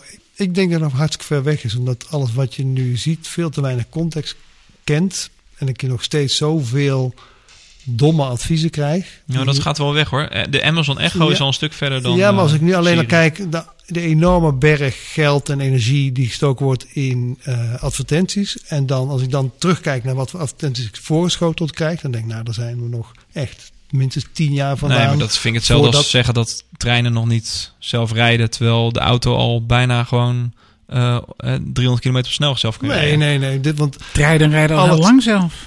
ja, Nee, die- die- er zit gewoon nog een mannetje achter het knopje die gas geeft. voor de vorm. heel vaak voor de vorm een Ja. mannetje in en dan rijden ze wel Tuurlijk. zelf. Maar, maar Maar, goed, het gaat dat- maar meer omdat op, op het gebied van adverteren wordt alle energie en tijd en geld gestoken om dat beter te krijgen. Daar zit een enorm eh, markt achter. En daar komt nog zo verdomd weinig uit. Weet ik niet. Voor mij gaat het juist heel goed met de advertentiewereld en besteden ze daar gewoon niet zoveel geld aan om dat nog beter te maken. Dat, dat, Ik, Nee. ik, ik denk iets heel anders. Ik denk dat eh, eh, dingen hoeven niet extreem veel eh, slimmer te worden. En dus het, het gaat niet zozeer om het echt verzamelen van intelligente inzichten. Het gaat ook heel vaak over eh, hoe gebruik je die inzichten om aan te zetten tot handelen. Dus ehm, eh, waar ik laatst over vertelde dat eh, in het nieuwe iOS van Apple die Maps-functie is. En die weet dan, als je parkeert, weet hij waar je auto staat. En dat is echt super simpel. Daar heb je geen AI voor nodig. Hij kijkt gewoon op welk moment de Bluetooth wordt afgeschakeld. En toch realiseren ze daar een superhandige. wat er in Google Maps al een jaar zat, ja. Op Android. Oh ja, ja. dat, we, dat is een beetje buiten mijn blikveld. Maar, nee, maar, het, Ja, dat, maar het eh, gaat me dus, nee, maar het gaat me niet zozeer tussen, tussen de strijd eh, Apple-Google, maar het gaat me veel meer in om, gaat het echt om hele diepe, eh, gecombineerde AI opgerakelde inzichten? Of gaat het eigenlijk om hele simpele dingen? Allebei. Ja, Sluit elkaar toch niet uit? Eh, nee, maar je kan dus al met Siri niet zo heel veel nodig. AI. Als je vraagt van waar is mijn auto, dan moet Siri dat weten. Wat? Siri moet weten waar jouw auto staat Ja, straks. ja. Als je echt Als je dat nu vraagt, gesprek weet met- of dat. nuttige dingen uit dat ding wil halen. Ja. Ja. Nou, ik weet niet of Siri dat nu al weet. Probeer straks maar. Ja, Ik vind Siri regelmatig ook nog wel dom hoor, moet ik zeggen. Ik ook. zeker. Ja. Dat, eh, ik wilde een keer een... eh, wat wilde ik nou ja? Volgens mij echt iets super simpels. Ik wilde gewoon een andere app openen en er wordt dan een sms'je naar iemand gestuurd, weet je wel. Dat soort dingen. Ja. Dan denk je ook... We zijn er nog niet. Nee, dat, De, de, het, het- maar dat vind ik met heel veel dingen. Dus eh, ik eh, eh, probeerde een antwoord te sturen eh, naar een berichtje wat Rennie me vanmiddag stuurde vanaf mijn Apple Watch. En Toen toen, krijg ik in het Duits iets terug of zo. en toen stuurde hij ook een soort prefab zinnetje wat ik helemaal niet wilde sturen. Ik had laatst ook inderdaad wilde ik een, wilde ik een herinnering eh, maken. En toen vond ik drie dingen terug in mijn, eh, in mijn to-do-app die ik gewoon echt niet terug herkende. Die, die, die ik dus blijkbaar erin heb gezet of zo. Via Siri. Echt waar? Ja. Maar waar echt totaal geen logica in zat. Gewoon een paar losse woorden, weet je wel. Ghost. Ghost in the machine. Ja, Oké. Ehm, ja. En met deze Ghost in the machine. Wat ehm, ehm, is, had jij nog ergens over willen vertellen waar we het nog niet over gehad hebben? Joost Mm. Schellevis. Nee, ja, ik was wel benieuwd. Ehm, hebben jullie echt zo'n hekel aan Windows? Aan Windows? Windows? Ja. Hebben we dat ooit een keer gezegd? Eh, nee, ik, was, ik ben gewoon benieuwd. Want ik heb, dat, dat, dat is wel... Dat, nou Omdat ik zei van ik heb een, een donkere jaren gehad. Ja, ja, ja, ja. Ehm, ik, zelf Windows- ook, ik ook geen Windows gebruiker hoor. maar- ik, ik heb meer haat tegen Windows dan tegen Android. Dus misschien zegt dat Waar wat. komt dat vandaan? Eh, omdat ik wel eh, in wat vorige projecten, dus ik praat echt al meer dan tien jaar geleden, heb ik wel Windows moeten gebruiken. Dus ja. ik merk wel vaak dat ehm, eh, Windows-liefhebbers die Apple haten, die hebben eigenlijk nooit echt goed werkervaring opgedaan op een Apple-computer. Maar andersom hebben heel veel mensen eigenlijk altijd wel moeten werken op een of andere manier met Windows. En dus Mhm. ik vind dat de, de mening van mensen die Windows haten vali- meer valide is vaak Nee. dan andersom. Ja, want iedereen heeft wel met Windows... Ik moet ook zeggen, ik heb, ik heb echt Ja. heel weinig met, eh, met MacBooks gewerkt. Ja. Ik denk in mijn hele leven misschien vier uur of zo. Oké, want wat gebruik je nu dan voor Windows? Linux. Linux, nu. ja, oké. Nou, dan ben je ook bewust bij Windows weggestapt. Dat is het vaak. Mensen moesten vaak in een context Windows gebruiken en die willen bewust Ja, al nou, daar. werk gebruik ik wel nog Windows inderdaad, maar ehm, privé niet. Nee, ik, ik was vorige, ik, ik, ik heb afwisselend Windows en Linux gebruikt de afgelopen eh, 15 jaar, denk ik. 2005 of zo voor het eerst Ubuntu geïnstalleerd, toen het echt nog best wel, echt wel ma- matig gewoon werkte.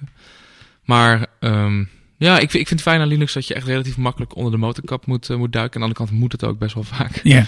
Dus dan moet je wel handmatig een of andere partitie schoonmaken, omdat software updaten niet werkt, weet je wel. Maar ik vind het wel leuk. Beetje knutselen. Ik heb een meegehekel aan, niet zozeer aan Windows, maar wel aan zo'n Microsoft-ecosysteem. Wat als een soort eenheidsworst in organisaties wordt geperst. Een soort van, dit zijn de tools, die hebben we nu. Ja. En daar moet je het maar mee doen, want dit is wat we gekocht hebben. Ja, En- hier krijg je support op. Ja, Dat is het. ja. En, en daar zie ik gewoon heel veel mensen die hun werk moeten doen, heel erg ongelukkig van worden.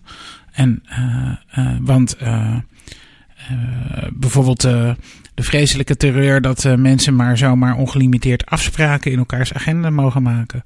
Ja. Wat in heel veel corporates gewoon gemeengoed is geworden. En ehm, eh, eh, het, het feit dat dingen als eh, eh, PowerPoint.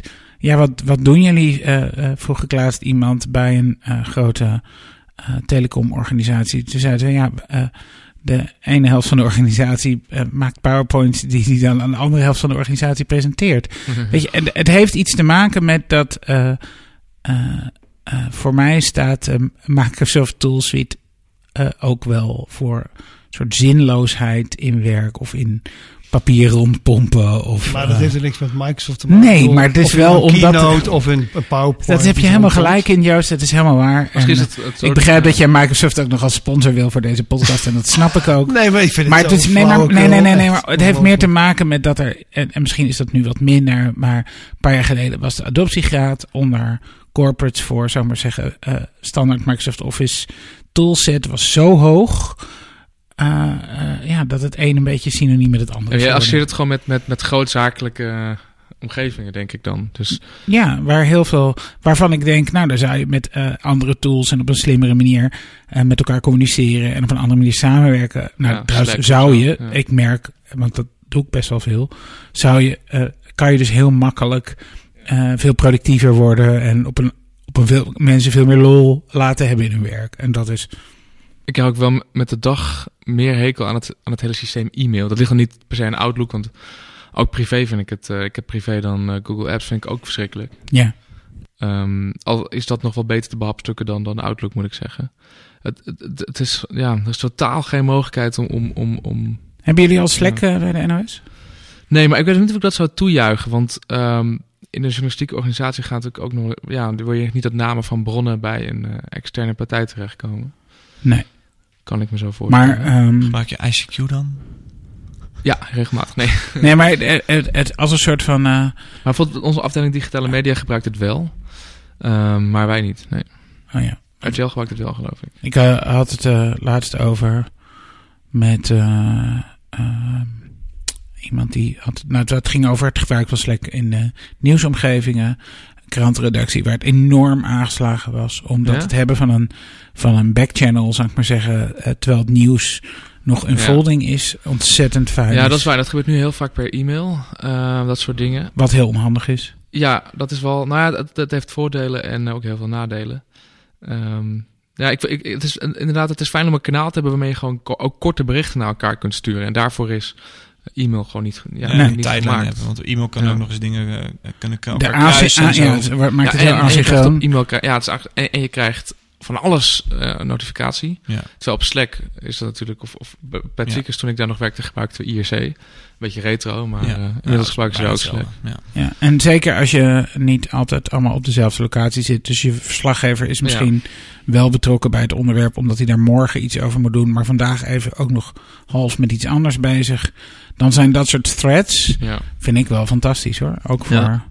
Ja. misschien dat het ook wel ingezet zou kunnen worden hoor. Ik kan me het best voorstellen. Maar het lijkt me ook wel lastig om het goed te doen. Ook omdat, ja, na zoveel jaar ben je ook echt ingewerkt natuurlijk op een eh, bepaalde manier van werken. Ben je ook nog een. Ben je, rammel je een beetje aan de, aan de ketenen van de NOS? Ben je ook een nieuwsvernieuwer? Wil je het ook graag op een andere manier maken en verzamelen? En ben, je, Eh. ben je een veranderende kracht binnen die redactie? Of eh, Mm, kijk je ja, vooral naar wat er in de rest van de. Weet je dat niet? Ja, Ben je een piraat? een piraat? Ja, ben je een piraat? Een softwarepiraat? Nee, gewoon een piraat. Ben je iemand die eh, binnenkomt en zegt... dingen kunnen ook op een andere manier? Weet ik niet of ik dat ben. Nee, ik denk, denk dat dat wel meevalt eerlijk Ja? gezegd. Nee, ik ben, ja, ik, ik, ik ben eigenlijk vooral bezig met mijn eigen... Ja, dat klinkt zo suf, maar ik ben, ik ben vooral bezig met mijn eigen items. En op sommige er zijn wel dingen die, waar, ik- waar ik tegenaan loop. Ik denk van, nee, dat moet... eh, dat, dat kan ook anders of zo. Maar nee, nee, sorry. Dat, is een onbevredigend antwoord. Hè? Je wilt eigenlijk zeggen ja, ik, eh, ik probeer elke maand... eh, maar ik, ik, ik- het is, punt is, ja, ik, ik vind, ik vind het, het nadeel van Slack is dus dat, dat alles dan bij Slack staat. Ehm, vind, vind ik, ja, dat, dat heeft ook natuurlijk nadelen. Dus ik weet niet of, ik- of ik daarvoor heel hard zou, eh, zou pleiten. Nee, maar ik probeer wel bijvoorbeeld mijn collega's aan de, aan de wachtwoordmanagers te krijgen. En ik, ben, ik ben wat meer op de, op de beveiliging dan Ja. een soort lobbyist, denk ik, bij mijn collega's. Maar ja, Geen activist, maar een lobbyist. zo kun je het ook samenvatten. Ben je nou wel actief bezig als je... Damn, ik had zo'n mooi einde. Nee, maar dit wordt ook een heel mooi einde. Oké. Dat als je een wachtwoord moet kiezen in jouw inlogomgeving en je mag maar acht karakters gebruiken, maar je moet wel een cijfer en een eh, speciaal karakter gebruiken, ga je dan gelijk eh, naar die systeembeheerder van, eh, wat is het voor een idioot wachtwoord? eh, Ja, dat, met dat soort dingen wel, inderdaad. Ja. ja. Ja. en heb je daar verandering in kunnen brengen? Ehm, ja, dat je elke maand je wachtwoord moet wijzigen? Of ben je nog aan het lobbyen? Eh, een beetje gevoelig. ik maar denk dat elke organisatie dat heeft. Ja, denk ik ook. Ja. Er is nog een hoop te veranderen in de wereld. Dat sowieso, dat sowieso. En ook als bijvoorbeeld bij, ook bij een organisatie als ING kun je nog niet maxim, kun je nog niet een oneindige. Want ik wil het liefst wil ik gewoon wachtwoorden van 100 tekens. Ja, Ehm, en die onthoud ik dan met mijn wachtwoordmanager. ja. Ehm, maar ja, dit- dat kunnen veel systemen gewoon nog niet aan. Zelfs bij banken niet. Dat Nee. vind, ik, vind ik wel redelijk schokkend. Hey, en ehm, ik ga je toch nog even een andere vraag stellen. Is er iets eh, eh, wat je... Heb je nog een droom? Wil je een boek schrijven, een documentaire maken? eh, de zeven zeeën bevaren, al dan niet als piraat. Nee, maar is er, is er iets wat je nog heel graag zou willen doen? Een boek schrijven, ja, dat is wel iets waar ik van ik altijd heb gedacht, ja, dat hoort eigenlijk wel, hè. Dan moet dat, op een gegeven moment moet je dat gaan doen, maar daar ben ik nog niet, eh, nog niet aan toegekomen. Nou ja, ik wil eerst gewoon eens een paar jaar bij de NOS eh, goed, eh, gewoon elke dag mijn werk goed doen en dan, eh, dan kijk ik wel weer verder. Ben je, over, als we je over vijf jaar weer spreken, ben je dan een, ben je dan een persoonlijkheid geworden? Ben je dan Herman de Scherman geworden? Ja, ik vind het altijd heel ongemakkelijk om over mezelf te praten. Mooi. Eh, ja. ja, dat, daarom is het goed dat we nu aan het eind van dit gesprek Ja. zijn. Maar we dat nog eventjes de meeste doen? mensen zijn afgehaakt inmiddels, hopelijk. Ja hoor. Eh, nee, weet ik niet. Ja, wat is een persoonlijkheid? Ik, op, op internet is natuurlijk iedereen een persoonlijkheid. Vroeger had je, had je mensen op tv die dan heel speciaal waren. Dat, dat is natuurlijk steeds minder eh, zo. Ik denk dat, dat sommige vloggers, ehm, dat, dat, ik denk dat onder jongeren dat, dat, dat Enzo Knol veel populairder is. eh, en dat bekender kan dan ook aan- van Dijk bijvoorbeeld. Is dat je ambitie dan om nog een heel worden. succesvol vlog te Nee, maken? dat, dat, zo, dat, dat sowieso niet. Maar je hebt, je hebt natuurlijk onderscheid tussen vloggers en YouTubers. hè. Zeker. Dat, eh, nee, dat, dat is een belangrijk onderscheid. Dat is een heel belangrijk onderscheid. Ja. Ook aan, eh, Mijn dochter legt het bloggers- wel vijf keer per week uit. Bloggers en journalisten is ook een onderscheid. natuurlijk. Ja. Ja, maar voor journalisten kunnen best vlogger zijn. Ja, nee, ik weet Ja. niet. Vijf jaar is lang. Vijf jaar geleden zat ik net nog, nog, nog geen jaar bij Tweakers. Dus eh, durf ik echt niet te zeggen. Nou, maar je hebt toch gewoon stiekem een, die ene... Droom. Ja, een, een, een, een, een, bioscoopdocumentaire maken. Een, een, een, een boek schrijven. Wat ik weet niet, ja, is dat dan iets tastbaars achterlaten? Ja, dat sowieso. Ik, ik, ik denk- Watergate veroorzaken.